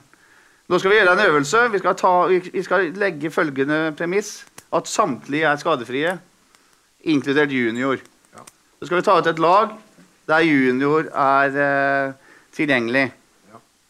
Og da kan vi begynne med de to sentrale midtbanespillerne. Der er alternativene da Jeppe Andersen, junior da, Martin Høiland, og så er jo Viktor Torp spilt der de siste kampene. Det er jævla køddete spørsmål ut, du, når du ber meg å gjøre grafikken i forkant. Hæ? Du ber meg om å gjøre ferdig grafikken i forkant, så, så er det liksom Det er vel ingen som ser på TV når vi kan se Nei, på oss? nei, nei, nei. Han lever sitt eget Og nå kan dere, Kom igjen, da. Jeg skal ha en sentral midtbane. Ja, Junior og Jeppe Andersen. Junior og Jeppe Andersen. Sier du, Sven? Altså, ja, ja, junior er frisk, så er det greit. Og Jeppe Andersen. Ja. Og da er det åpenbare oppfølgingsspørsmålet er hvor plasserer dere eh, Viktor Torp hen? For han skal spille, ikke sant? Hengende eller på topp. Ja. Er det noen som er uenig i det? Sven? Hengende eller på topp? Ja. Nei, ikke enig, for han skal uansett ikke på topp. Nei. Da må, bli, da må bli hengende, for da, da vil jeg ha Lundqvist på topp eventuelt, hvis vi skal ha med begge dem to. Vi Snakka jo om uh, Viktor eh, Torp nå, jo. Ja, Ja. Han spurte om vi var enige om at det skulle være hengende eller Hengende på topp. Det er ett av ja. Ja eller nei? Nå har han fått en mikrofon, folkens. Nå! Nå blir det kult. Ja. Nei, eh, nei han eh, Nei. Så Torp skal spille, og Lundqvist skal spille. Ja, Det er vi enige om. ja det syns jeg. Ja. Og da står det igjen tre plasser. Det står igjen to plasser. Og De er enkle, da. De er enkle. Til høyre spiller Kristoffer Bonsuba. Ja. Bonsuba til høyre, enig? Fingen? Ja, ja, ja. ja. Og til venstre? Simon Tibling. Ja. Og da er det altså mannen som gjorde nest flest mål i fjor, og nest flest målpoeng, Mikkel Marger ut av laget. Ja, rett og slett av at øh, vi har henta noe som er øh, bedre. Ja. Men, men kan, kan jeg bare gå videre med et Ja, eller annet? kom igjen. Nå holdt jeg på å si det igjen. Eh, det, det handler om konk Hvis du skal bli god, så må det være konkurranse i et fotballag. Jeg er helt enig. Se på Molde. Kan stelle to elvere her som har samme kvalitet omtrent som 08. Nå må Baygård sitte der. Kanskje Torp må ut, eller en Pascal, noe oppsettsspiller. Det er jo det som handler om at du kan bytte deg opp i fotballkamper. Når du sliter, så har du de folka på benken. Så det, skal vi ta noen steg i den byen her Kan jeg få en bomullsdott av deg, Jørgen? Da holde sånn da, Ta ut den. Eh, skal vi komme noen vei her, så må vi faktisk være i den situasjonen. Vi har jo ikke vært der. For da må bytte Går det bra, Bingen? Ja. Når, når vi har bytta fotballspillere tidligere, så har vi følt at faen, kommer han inn, liksom. Men nå har vi jo hele den gjengen å kunne sette inn. Og det er det som handler om at uh, det kan bli ekstra spennende i år. Er det et uh, godt poeng? Veldig bra. Det er jo, viser jo bare styrke. Det også er det sånn at eh, de elleve presentive spill, beste de spiller jo ikke alle kampene. Det er kort, og det er skader, og det er kort vei til laget når du er så allsidig som det som Maigård er. Det er kantspiller, og det er sentralspiller, så han eh, får mange kamper. Men ak akkurat ut ifra formen til bånd som ba nå, så er det han som har plassen hans. Men det er, det er, liksom ganske åpenbart her at det er offensivt på banen. Det er flest alternativer og, og størst kamp om plass på laget her. Selvsagt. Det er ganske åpenbart. Men øh, det er et godt poeng at øh, du faktisk kan ha muligheten til å bytte deg opp i kamp. Vi, vi så jo den kampen mot det andre laget rett nedi her. Og, og da, da, gjør vi det, vet du. Da, da, bytter vi oss opp. Da går vi jo litt på bekostning av noen prinsipper, for da kommer jo en Bonsuba inn. Men jeg kan bare tenke deg hva han kan utrette mot enda mer slitne forsvarere. ikke sant? Mm. Så, så, så, det går an å alternere litt på dette her. Uh, og, og, det er et kvalitetsstempel hvis vi, hvis vi greier å For, for vi, i flertallet av åra vi har drevet med denne sporten her i byen, så har vi ikke vært i stand til å bytte oss opp i kvalitet. Uh, og, og det, er et, det, er et, pre, altså. Absolutt. Men Sven, dere vil altså bruke Bonsuba som en startspiller, og ikke som en superreserve, for å kalle det det? Ja, herregud. Hvis det nivået vi har sett nå, er eh, det, har, eller det som kommer, kan du ikke sette ham på benken. Det blir jo helt latterlig. Altså, han har jo kommet hit og bidratt med ting hele veien. Og så er det jo litt opp til det her, men du sier at Mikkel Maigård kommer inn og spiller litt sentralt nå mot IFK. Gjør en strålende jobb. Og så handler det om det at eh, ja, det er vel kun Ma Maigård kan gå til venstre òg. Ja, da, og det er helt riktig. Og poenget er jo at ja, nå, skjedde jo, nå, skjedde jo, det byttet med Utvik, ikke sant? Ja. som litt, litt ut av det blå gikk ut. Og da ser vi jo det som Sven sitter og hakker og stammer og prøver å få sagt, at Maigård kan jo bruke i flere posisjoner. Ja. Og så er det jo litt sånn at dere, Nå er det vel forhåpentligvis sånn, Bingen, tror jeg, at der, eh, Billborn og Bjørklund kan enda litt mer fotball enn oss. Eh, og, og det, er, det, er, motspill, det er motstandere, det er hvordan spiller motstanderne. Hva kan vi straffe dem på med type fotballspillere i forskjellige roller osv. Så, videre. så her har vi altså, Nei, det ser veldig bra ut, altså. Vi har mye, mye ting å spille på. og da er det godt å vite at du har en Tibling, eller i verste fall en Bonsi Ba, eller en Pascal, eller en Victor Torp på benken. Tenk deg bare kvalitet, da. Bra. Jeg må gi meg ikke helt. Victor, nei, junior spiller ikke serieåpninga, tror jeg. Hvem spiller sentralt midtbanen da? Da blir det ser sånn det ser ut der. Ja, Da skal du ha Fardal oppsett opp til spiss. Ja. ja. Bra. Husk på det hva de har sagt. Er det grunn til å tro at dere det er grunn til å tro. Det sier politikere. Det, er ikke grunn til å tro noe. Nei, men uh, han spilte jo ikke nå, han uh, dansken som var bare i, uh, i England. Og Skålevik kom inn. Gustav Mogensen spilte ikke. Uh, Li Skålevik kom inn i pause for oppsett. Ja. Og dem to har jo bytta på det hele tida, nesten. Ja. mer eller mindre. Kan være at han ville se Steffen Lie Skålevik som en uh, endelig tilbake fra skade. Ja. Beisnyrst. Vi får se. Og det er liksom litt sånn, Du kan si hva du, må, du vil om Skålevik, da, Petter, men han har jo ikke skåra i bøtter og spann. Det er vi alle enige om. Men sånn som den kampen var mot IFK nå, med alle de legga og de duellene inni der, hadde jo vært deilig å ha han eh, fra minutt nummer én. Mm. Fordi at vi vet jo Tenk deg hva han gjorde for oss i år. Da. År. Fjor. Mm. HamKam hjemme. Kommer inn og bare peiser på en og får et gult kort og skaffer straffespark. Der snur sesongen. Altså, det er masse kvaliteter med han også. Så det er godt å ha Skålevik som arbeidsverktøy. Leder du 1-0, Skålevik inn. Skålevik, pass på at ikke du får spilt ballen utover 16-meteren, så knuser han alle dem. Han flyr dem jo rett ned, og så er kampen over. Mm. Så det er, liksom, det er masse bra med han òg, så vi har mye hva pleier å si, verktøy i verktøykassa. Mm. Ja. Det er bra. Det er grunn til å være optimist, i hvert fall. Ja, ja. Enig i det. Vi tar, eh, skal snart komme til tabelltipset vårt, som vi egentlig skulle egentlig det det egentlig skulle handle om. Da. Men bare et lite mellomsteg først. Det er uh, situasjonen i klubb og by og fotballsarpsborg, Øystein. Uh, 14 år før seriestart. Eh, føler du at det koker? Føler du at klubben gjør nok? Føler du at det liksom er eh, action her? Ja, altså Klubben gjør jo mye, syns jeg. Altså, vi, vi, kan jo le litt av den gangen Bingen og Sven gikk på fylla. Det var det som var toppfotballen her i byen. Ja, hørt det. Da, da, var jo, da, var jo noe, da var jo ikke noe sosiale medier, og da var det jo ikke mulig å kjøre sånn i ganske intens uh, markedsføring på de forskjellige plattformer. Og er jo, Vi er jo oppdatert på at allerede nå, to uker før kampen mot, eh, mot Glimt, så, så, er det solgt over 4000 billetter. Og jeg tror at uh, det er en hunger og en interesse og et kok i byen nå. Altså. Og jeg uh, gjetter på at i serieåpninga så kommer det 5687, faktisk. Hvor ligger ansvaret her? Altså, ansvaret ligger selvfølgelig hos klubbenbingen. Det å skape den der entusiasmen. Kan man gjøre stort sett mer enn det man gjør, liksom? Lokalavisa, da? Ja, ja. Ja, det går vel an? Det går an. Ja. Ja da. Nei, men det er klart, Gode resultater i treningskampene det er aldri feil. Og så må vi alle bidra til å snakke det her opp og gjøre det spennende sin for eh, seriestart. Så er det jo gøy når vi får eh, solgt flest mulig sesongkort, så vi Ja. vet vi har en stamme på stadion. Det blir jo jæklig glissent når det er 2500 mennesker, og de opplyser at det er eh, solgt 3008. Mm. Det er jo Men en god start, og det blir jo jæklig tøft. Men eh, jeg husker første året vi var i Eliteserien med 08, og vi skulle møte Molde i første kampen med Solskjær den gangen. All, all, ingen kommer jo til å glemme det. All det. Alt er mulig.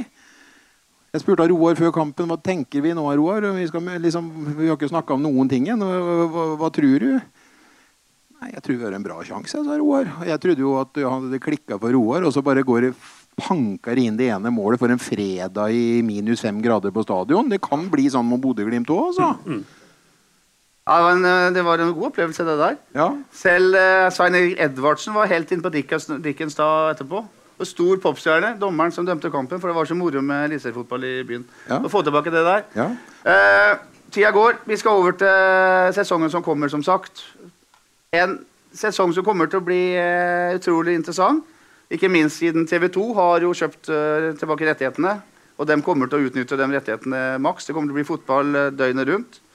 Så det er bare å henge med. Skal vi prøve oss på et lite eh, tabelltips? Vi skal ikke gå gjennom 16 plasser, men vi skal starte i bånn. Og se om vi klarer å finne ut uh, hvem vi tror havner i uh, bånnsjiktet og kjemper om de tre utsatte plassene der nede. Øystein, hva tenkte du, tenker du om det? Nei, umiddelbart så Det er jo et munnhell som heter den vanskelige nummer to-sesongen. Og jeg tror at den slår seg gjeldende i år for HamKam. Jeg tror det blir tøft for HamKam å, å overleve i 2023. Den? Ja, Skal du ha bare én av dem? Nei, altså, Tre? tenk litt. Ja, jeg er helt enig. HamKam de kommer til å bli desidert sist. Okay. Lag eh, nest sist, som også rykker ned, det blir Sandefjord.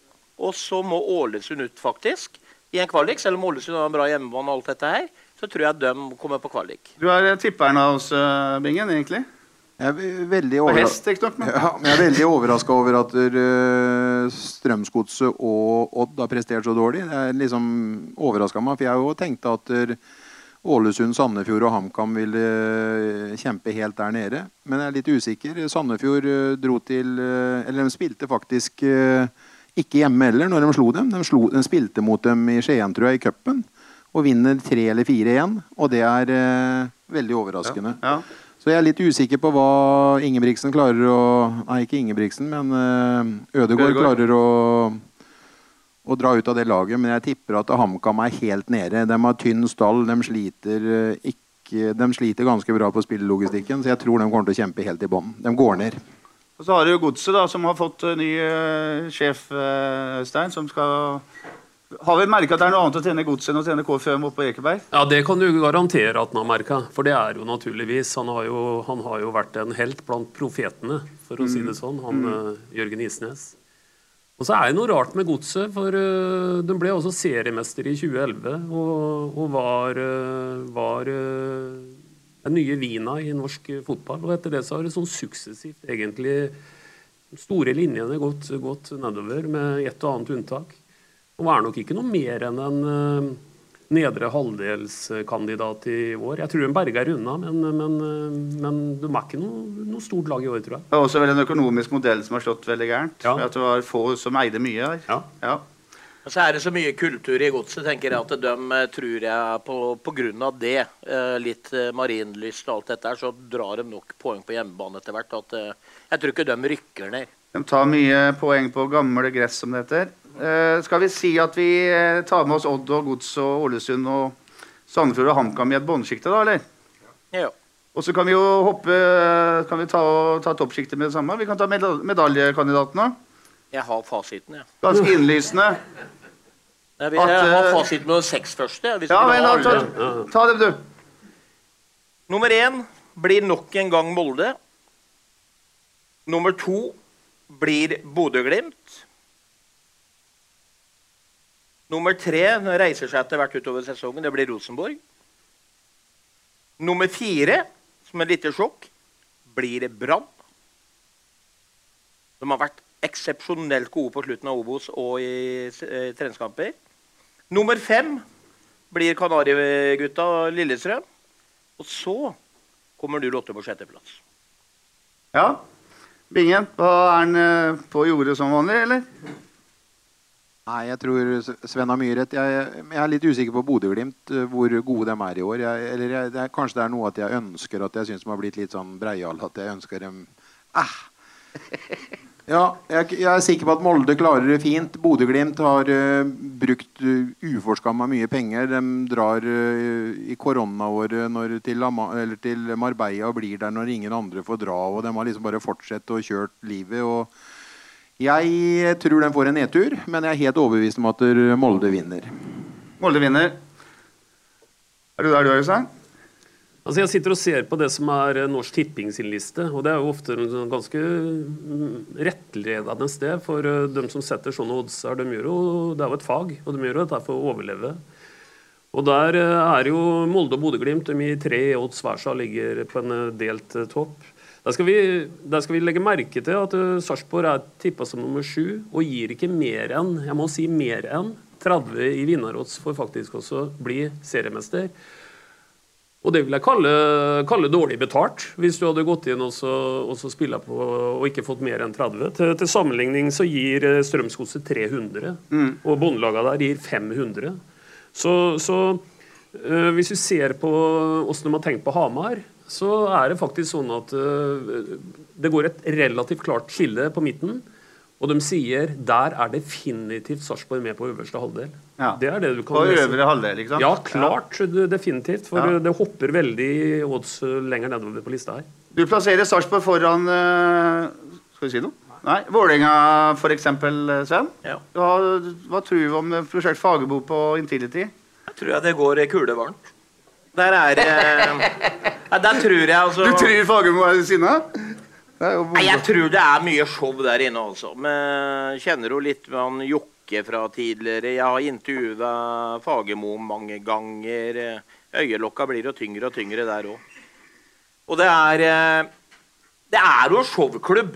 Altså, de, de går med noe underskudd, som han eh, Øystein fortalte om. Eh, hva het? Trøan? Trø, trøyen? Trøym.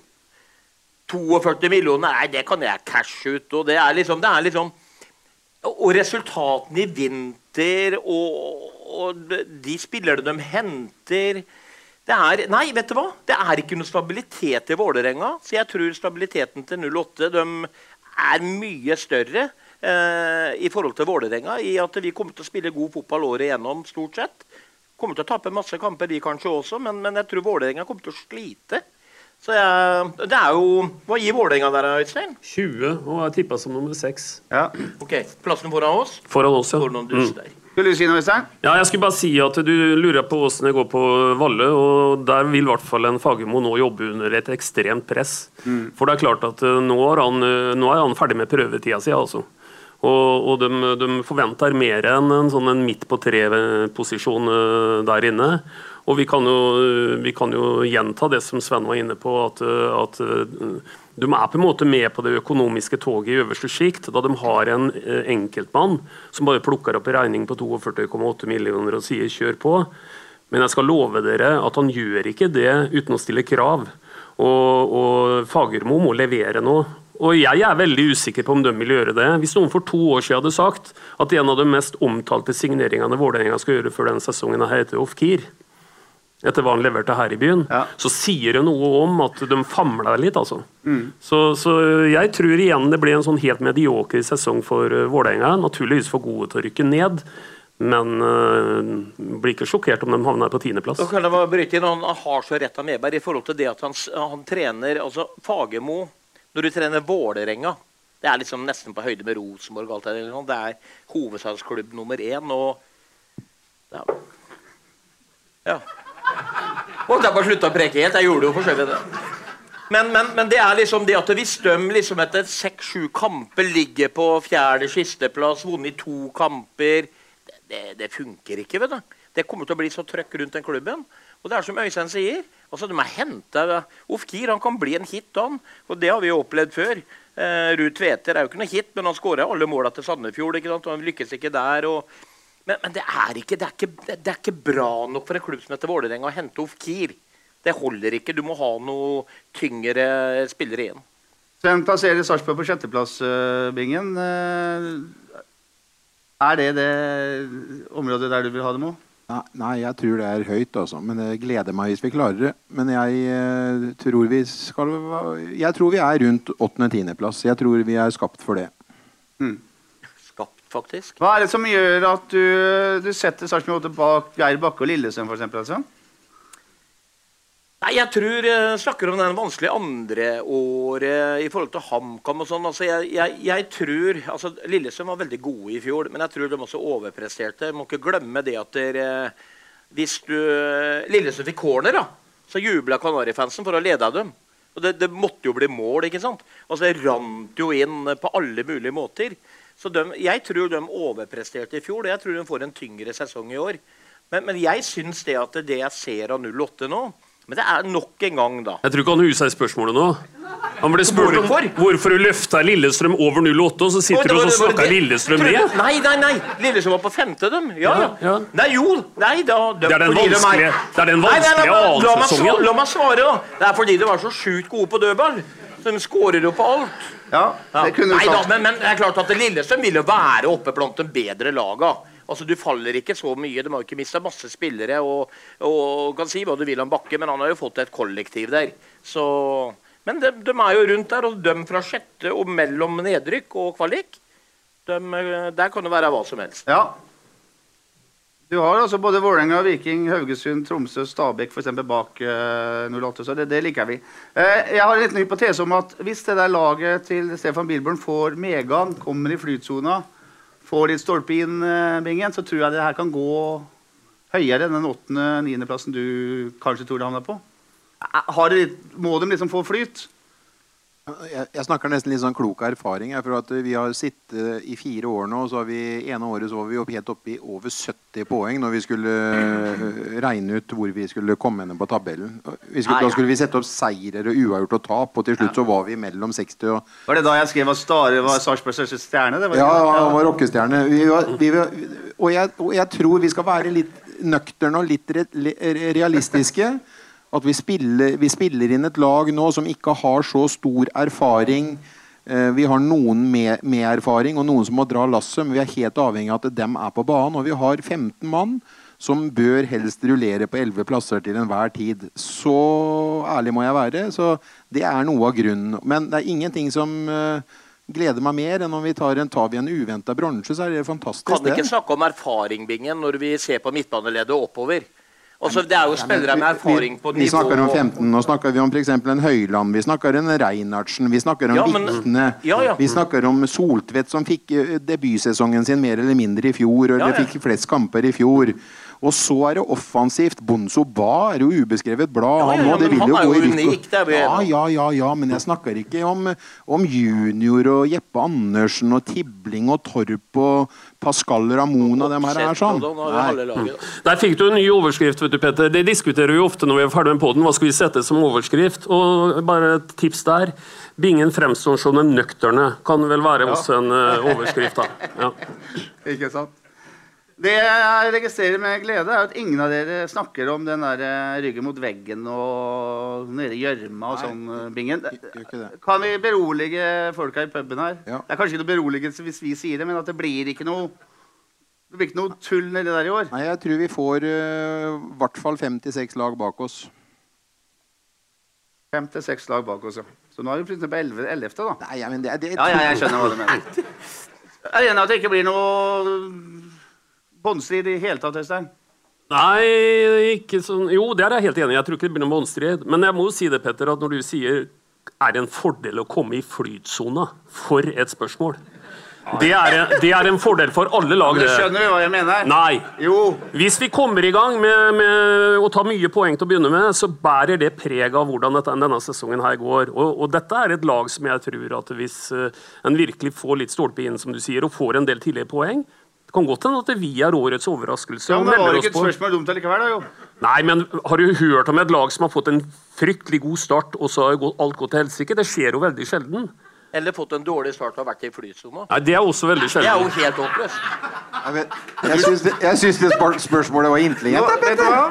Nå ser du forskjellen, Bingen. Nå ser Ja. du Silje Ja, der, Der, er- der er det to her Slår vi eh, Bodø altså, Nå er vi- de allierte Når plutselig. vi, ja, ja. Nei, bare for å si det Når vi slo Bodø Nei, Molde den eh, gangen Når vi Ja, kom kom i flytsonen Da så alle Du er ikke i flytsone etter én kamp, vel? Har du hørt om flytsoneting da, i ryk, da, fotballkamp? ryk, da rykka vi Ja, ned. men alle har vært med på fotballsesonger, Øystein, der ting går litt av seg sjøl. La oss Du si nesten ikke klarer å tape fotballkamper. Ja. Kontra kamper som du dominerer og, og, taper. Ja, ja. Det som var poenget mitt. Ja. La oss si det er en fordel å komme godt i gang. Du har ikke flytsona hvis du kontrollerer kamper og taper. Slapp. Ha- Kan aldri tro, kunne ikke tro Vebar spiller fotball Jeg skulle aldri gitt han en mikrofon. Nei, det er B-laget til Borgar. Det var kan ikke være rare greiene. Nå skal vi ha overtid. Overtid. Imponerende lydmann, det må jeg si. Eh, vi skal bruke Ja, det blir litt over. Vi kommer overtida på overtida der, som vanlig. Vi skal bruke de siste minuttene på å snakke litt om prosjekt Billborn i eh, Sarpsborg. Én sesong og to vintre kan vi si, inn i prosjektet. Begynner ting å sette seg sånn som vi håpa og trodde på, Øystein? Ja, jeg syns uh, ting begynner å sette seg. Syns det begynner å se bedre og bedre ut. Og det er jo egentlig veldig logisk òg. For det Billborn kommer hit til byen med, det er noe nytt. Nå ser du jo at dette her er en litt sånn et skifte på mange lag. At en øh, spiller fotball på, på den måten, litt sånn tilnærma. Men øh, det er helt åpenbart at hvis vi ikke hadde hatt hvis vi ikke hadde hatt uh, Bohin imellom Stare og, og Billborn, så hadde det jo vært uh, salt og pepper. Eh, så, var vi vel litt mer offensivt anlagt under Bohin på høsten her. Men, men det er ingen tvil om at, at Billborn kommer inn med noe nytt. Og da må jo logikken være at det tar noe tid og så, lære det. Og her er kontinuitet eh, viktig. Så svaret er ja, vi blir bedre og bedre. Og fortsatt er det deilig å høre, Sven, at de snakker eh, langt mellom om angrepsspill enn forsvarsspill. Ja, eh, og, og det prata vi jo veldig mye om eh, fra dag én med Stare i forhold til eh, våre opplevelser med han med Hva heter det for noe? Kar, karismatisk Stare? Ja. Som på en måte var helt eh, Det var liksom eh, 0-0, eller, liksom, eller får vi én sjanse å skåre, liksom, så var det glimrende. Nei, nei, men Bill, nei, Bill jeg vet jo at dere, eh, ikke han var rett før der, men, men poenget mitt er Poenget mitt er jo det at det er jo så fantastisk moro å se angrepsfotball på stadion. Hvor vi til enhver tid bare kjører på. Og det er klart at det er, det er og, og det Billborn har visst nå i løpet av vinteren, og jeg syns vi har sett i alle kamper, er at vi har et tydelig offensivt eh, spill. Hvor det er klare linjer hele veien. Det er kombinasjoner, kommer rundt på kanter. Så det er, eh, Jeg føler at han har fått ekstremt mye, men så er det jo viktig med, som du sier, dette med relasjoner. og Da kan vi ikke miste masse spillere. Da mista vi Heins. Tibling har gått ut og gjort den jobben der. Så det er liksom litt med dette her at han må beholde de relasjonene. Da kan vi ikke selge, kjøpe og hente, for da må du begynne på nytt igjen. Og, men det sa vel Billborn også litt før sesongen nå, at vi må begynne litt på nytt igjen på en del nye spillere. Du var jo inne på en ting i fjor sommer, eh, Bingen, at eh, romantikeren Billborn er i ferd med å miste det etter 26 og 8 tap. Uh, Syns du fortsatt at det er en uh, balansegang mellom det å være romantisk og det å være offensiv her? Det var et godt spørsmål. Øystein. Ja, jo, ja, men fortsatt når jeg ser at Simen Vittun eller han øh, andre unggutten som keeper, Leander Røy. Leander når de, når de skal slå den pasningene ut ifra Vi har jo fått noen dumme mål imot mot oss som faktisk er enkelt å luke ut. Og da stiller jeg meg spørsmålstegn med, for han sa i fjor etter sesongen at det var ikke han som ga den beskjedene. Men hvis ikke han gir den beskjedene, så kan han i hvert fall gi dem beskjed om at ikke de skal gjøre de dumme valgene som de gjør bak der, at, som, vi få, som vi får mål imot på. Og jeg håper at Anders uh, har lagt av seg det nå. og jeg syns uh, romantikeren Billborn uh, har utvikla seg til å bli mer kynisk. Han var det de siste ti kampene i fjor. og ja, vi var alle heldige i Sarpsborg by den søndagskampen mot HamKam, hvor alt snudde for oss. Og vi gikk ubeseira gjennom uh, ti kamper. Så det var, uh, det var uh, Det, var, det kan hele byen være glad for, ikke Billborn. For hadde, hadde, han hadde ikke tålt mange tap av TIL han før vi måtte, måtte gjøre noe. Mm. Er er det til dumdristig det han gjør, Sven, med å ha så mye folk foran ballen til enhver tid? Altså offensivt Ja, foran jeg, jeg, jeg forstår, men, men det er jo pri én for han eh, og Bjørklund i måten de skal spille fotball på. Og det er jo en gang sånn da, at dere, hvis 08 hadde hatt eh, eh, ballen i 100 av tida, det får de ikke, for de skal jo avspark til andre laget, så kan jo ikke de skape noe på dem. Og det er våran boll. det er... Eh, og det, og det ser vi jo i treningskampene også, at det er en av de grunnene som jeg tenker at vi har sluppet inn få mål, tross alt, da, det er at vi er så mye i offensiv bane, og vi beholder ballen så lenge om gangen. Og så er vi jo til en viss grad dyktige på gjenløp, da. Mm. Og det er klart at dere, Vi snakker om at bekkene har dårlig tempo og sånn, men vi ja, Tenk deg vi får inn junior igjen. Vi kjenner jo han fra hva han gjør i den situasjonen. Midt på motstanders banehalvdel. Faller ned og blir høyrebekk eller venstrebekk. Men det er klart det er det, det å kunne ha ball nesten hele tida offensivt og skape muligheter det er jo, det er jo sånn City-spiller. det er De beste lagene gjør jo det. De vil ha ballen, de vil ha ballen. De overbefolker. Og så kommer det en i ræva, så kommer den i ræva. ikke sant? Men skårer vi to, så gjør jo ikke det noe. Så jeg elsker den fotballen, og jeg tror at den blir bare bedre og bedre. Og nok en gang tilbake til at det vi ikke har hatt før, det er at når vi går ut med førsteoppstillinga mot Bodø-Glimt, så har du kanskje en Mikkel Maigård og en Pascal eller Viktor Torp på benken i det offensive spillet. Dette lukter sjetteplass minimum-bingen. Du sammenligner med City, det er jo hyggelig å høre. Eh, Øystein, det er gode fotballtrenere, er fagfolk. Men det er bra folk òg. Markedsfører av klubben, annet. Ja, det må jeg si. Eh, takk for spørsmålet. Jeg var på Borgarhytta på fredagen, og der var uh, Billborn og Bjørklund. Og det er gutter med sosial intelligens, altså. For du vet at det, Tenk dere det, for å ta Bjørklund, da. Han har spilt 79 landskamper for Sverige. Han har spilt i Italia, Spania, Skottland og England. Og han får det på en troverdig måte til å høres ut som et høydepunkt for han å komme på Borgarhytta. Det er ganske godt gjort, altså. Ja. Og det er jo sånt som folk liker å høre. Det er ikke, det er ikke fullsatt heller, og, og hver og en føler at eh, faen, dette er gutter, altså.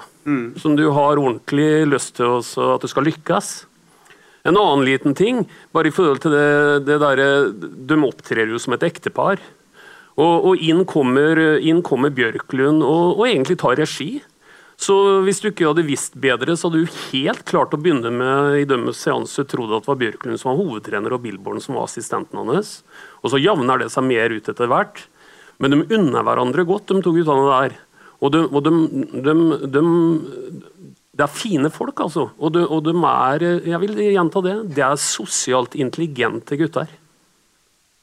Er du redd for at det kommer noen større haier og tar i seg her snart? eh, Bingen? Ja, sånn er det helt sikkert mekanismen, og det, det, det, vil jo skje. Det, og det, ville jo vært eh, rart hvis det to så profilerte svenske trenere at det her skulle være endepunktet for dem. Det, så så de, de kommer jo til å forsvinne på et eller annet tidspunkt, ja. Til tross for at de får vært en tur på Grovvollen innimellom? ja. Ja. Bra. Men det han sier om at du kunne tro at det er Bjørklund som er hovedtrener og har regien ja, Det vet jo dere gutter som sitter på stadion og ser på trening. Det er jo Bjørklund som driver treningene, når Billborn står med armene i bakkant og, og følger med. Bjørklund har hele treninga. Mm.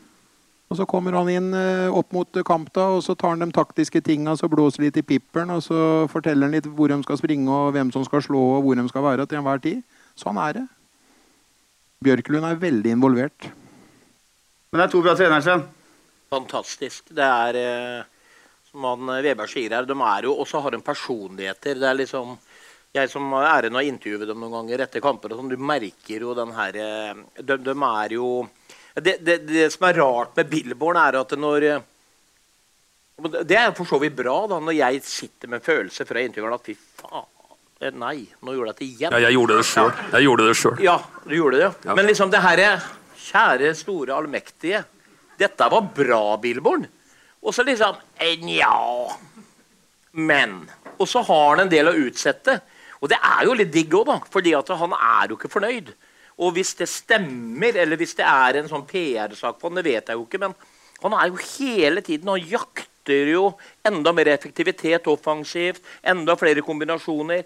Søren, de skal ikke ha ballen så mye, osv. Og så, så hvis dette her er gjengangsmelodien, og spillerne svelger dette her, så blir jo det her helt fantastisk. Mm. Du kan få siste ord, Øystein, som en slags liten appell til dem som hører på dette. her, Både dem som er i puben, og dem som hører dette her på radio, eller hva det heter for noe. Podkast. Hvorfor skal folk gå på Sarpsborg stadion? Nei, Det er mange grunner, men vi skal gå på stadion pga. at vi har eliteseriefotball i lille Sarpsborg. Det er ingen selvfølge. Vi, nå, vi, går nå i gang med den ellevte strake sesongen.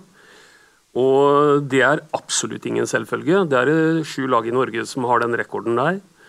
Og jeg må bare si én ting litt sånn avslutningsvis som eh, sikkert folk her syns er ok å høre.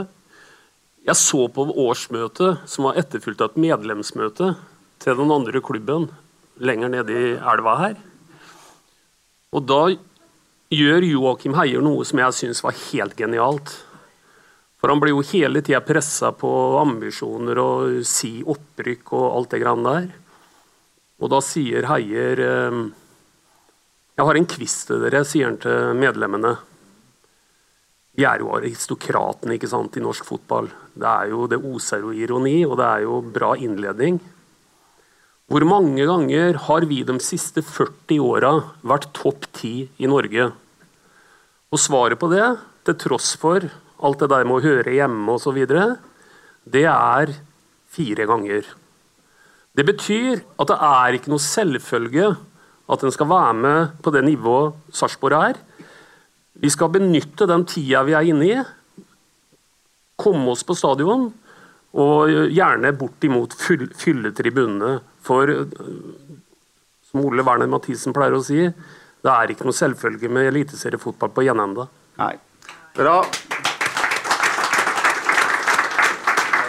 Vi sier eh, vi sier amen til den, Øystein. Og takker vi Jørgen Andersen for at han har åpna studio på, i St. Mariegate. Vi kommer gjerne igjen, Jørgen. Takk til dere som var her. Veldig hyggelig. Håper dere kommer igjen neste gang òg. At dere ser dere på stadion. Takk til Øystein Weberg, Sven René Nygaard og Bingen. Og så prekes vi. Vi prekes. Vi prekes.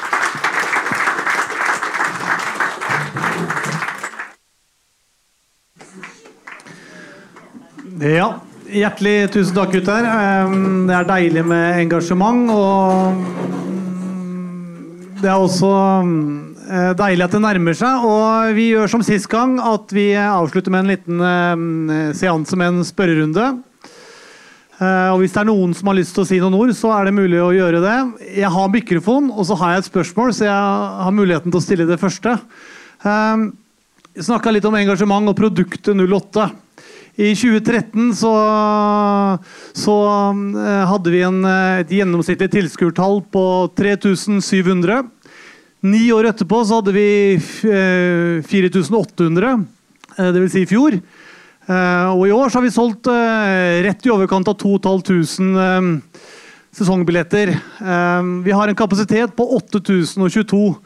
For meg så er jo hele pakka, produktet fotball, er viktig. Ja, det som skjer på banen, det som skjer rundt på stadion osv. Vi, vi brukte ikke, sånn som Bodø-Glimt, brukte ikke alle pengene våre på, på spillere, og sånt, men vi brukte det på stadion og fasiliteter. Eh, nå er vi eh, Det er økt med 1100 på, på ni år. Hva skal til for at eh, ja, gjennomsnittet og ikke minst kampene trekker mer enn halvfullt. For vi, ja, det er 5087 på stadion, men vi ser jo det at det er mindre. Men hva er det, hva er det 08 mangler for å komme helt opp, eh, eller i hvert fall øke med Berntsen snakka om at den skulle øke med 200 hvert eneste hos Sante Petter i den poden eh, nede i Spania, men eh, det har vi ikke gjort. Hvorfor ikke?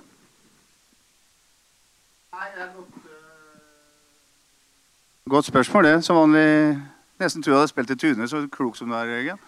Uh, du har noe som uh, jeg tror for det første, altså Hvis dette laget som er i dag, da, med såpass mye profiler, offensive profiler, uh, får suksess, og kommer kanskje til og med inn i den flytsona som han, Øystein ikke skjønner hva er, så tror jeg folk vil komme på, på stadion. Men det er fryktelig hard konkurranse da, om folk i dag. Eh, det er kamp søndag klokka fem da i år. Det er fint vær. Du sitter på hytta ute i Skjebergkilen eller i båten eller i campingvogna. Eh, du må reise inn for å gå på kamp. Du kan sette oss inn på TV. Jeg, tror- det er masse som spiller inn her. Men det viktigste, Jørgen, er utvilsomt eh, bra resultater og bra spill, altså. Ja, så tenker jeg, Vi nevnte jo 2013 blant annet. Jeg vet ikke, jeg har jo ikke noe fasit her, men jeg tenker på tilgjengeligheten da, for å kunne se norsk fotball i dag. På alle de her smart-TV-ene og TV2 Play eller Discovery som det var. At det er, det er sånn enkel løsning da, når kjerringa sier til deg og to unger at eh, Dæven, kan du ikke se kampen her, for uh, hun har bursdag i morgen, osv. At det er det er klart at det er TV-rettigheter og media stjeler noe sikkert veldig mye, da. Eh, men det er jo bare til å tenke det at den her opplevelsen av å være på stadion, er, den er jo unik. Så det er et veldig godt spørsmål, og det er litt rart egentlig, fordi vi, er, vi, vi blir, jeg føler vi blir bedre og bedre og viktigere og viktigere i norsk fotball da, når vi går på det ellevte sesongen. Og, men Petter har helt rett. Hvis vi lykkes nå med god fotball, vinner 2-1 mot Bodø-Glimt, Bonsuba begynner å herje osv., masse osv., så, er det klart at folk blir nysgjerrige. og Det ser vi jo i hockeyen, bl.a. med Sparta, som plutselig er fulle arenaer når de går videre til en kvartfinale, semifinale osv. Så, videre. så resultater har også selvfølgelig mye å si. Uh, ja, er det bare, jeg har bare lyst til å si en ting, Jørgen. Uh, selvfølgelig så er det resultater, men den nydeligste lyden jeg hører på stadion når det, nesten blir mål eller, mål, eller vi scorer ned mot bandybanen, det er når de har de der eh, bar, barna på den tribunen der sånn, og de der spede barnestemmene bare er så ivrige, og de sår frø i 08 og skaper supportere kamp etter kamp, og det er jeg helt overbevist om at det er et veldig godt arbeid av 08 som kommer til å få kom, de, kom, de kommer igjen, den ungene, når de blir 10 og 12 og 13 og 14 og 15 år. Det er en prosess som bare kommer til å utvikle seg mer og mer. Det var ikke svar på spørsmålet ditt, men det er en fantastisk lyd bak det målet som, eh, som de i hvert fall på stadion har gjort noe med på, i markedsavdelingen. Jeg er helt enig. Um, det er masse masse fotballkunnskap uh, på puben her. Er det noen andre som har noen spørsmål? Ehm, et eller annet de har lyst til å ytre? Det var helt sinnssykt sist, så er det mange som holder igjen her? Eller fordi at Binge ble sinna på slutten sist og syntes det var nok? Eller er det Ja. Dere kjørte fasit dere med en gang, så slapp dere alle spørsmåla?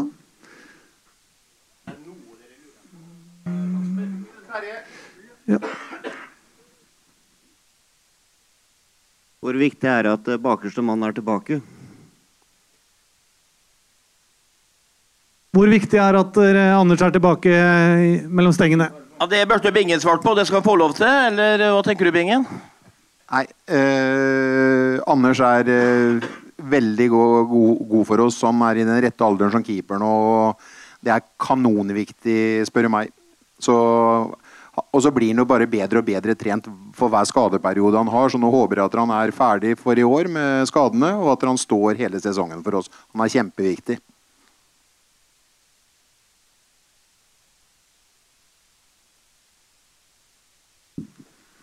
Hallo, gutter. En, en av de tingene jeg ser Geir her? Ja. En av de tingene jeg ser på som er eh, problemet, og det er generelt i norsk fotball, og det er eh, presisjon i pasningsspillet. Og eh, det jeg ser på i Sarpsborg 08, det er at man misser for mye pasninger de siste 30 meterne inn foran mål. Men skyldes det at det er for lite bevegelighet, eller at det er feil bevegelighet? Eller er det rett og slett at de ikke er gode nok på pasninger?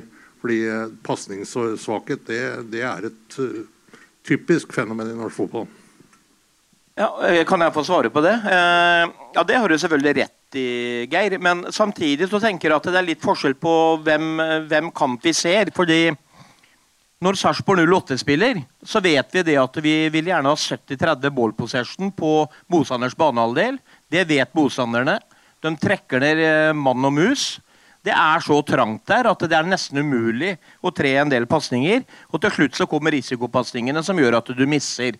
For jeg tror Sarpsborg 08 er en av de lagene i Norge som har dårligst arbeidsbetingelser offensivt. Rett og slett pga. at de bruker tid på å bygge opp spillet. Motstanderen legger seg tilbake. Kanskje har en uh, midtspiss. Spiller 4-5-1. Uh, midtspissen ligger ti meter inn på egen banehalvdel. Så har du en femmer og en firer, og kanskje de trekker ned med to sidebekker til. Så er det jaggu ikke lett som gammel fotballspiller å finne de rommene. Altså, så da, da blir passingsvalga vanskelig, og da blir det litt utsatt. Men uh, nå var jeg inne på fag, Petter. Skal jeg snakke om helt noe annet enn fag? Nei, du er helt, du, du er helt rett, for det er, det er, avansert det de driver med. Og det er avanserte passinger, og da er, det, er feilmargin høy. altså. Se dem slå passinger på egen banehalvdel osv. Ja, det misser.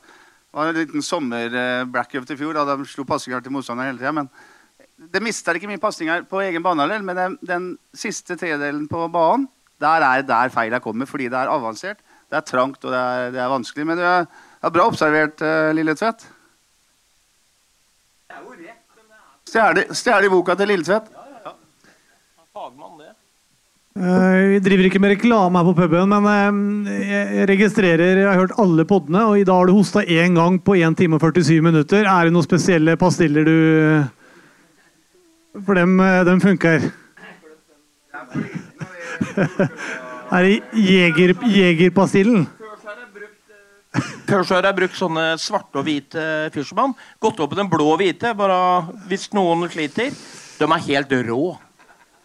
Ikke noe reklame. Er det noen flere som har noe på hjertet her? Ja, vær så god.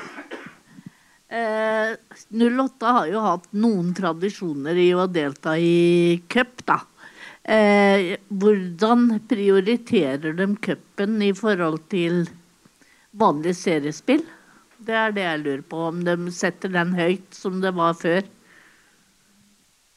Ja, det tror jeg de prioriterer uh, veldig høyt. For de er, de er, litt desperate etter å, etter å ha suksess og vinne noe. Og, og de vil jo ut i Europa og alt det greiene der. Og cupen er jo en ganske Det er ikke noe lett måte å komme seg ut i Europa på, men det er en mulighet. da. Så jeg tror de kommer til å prioritere det veldig høyt i år.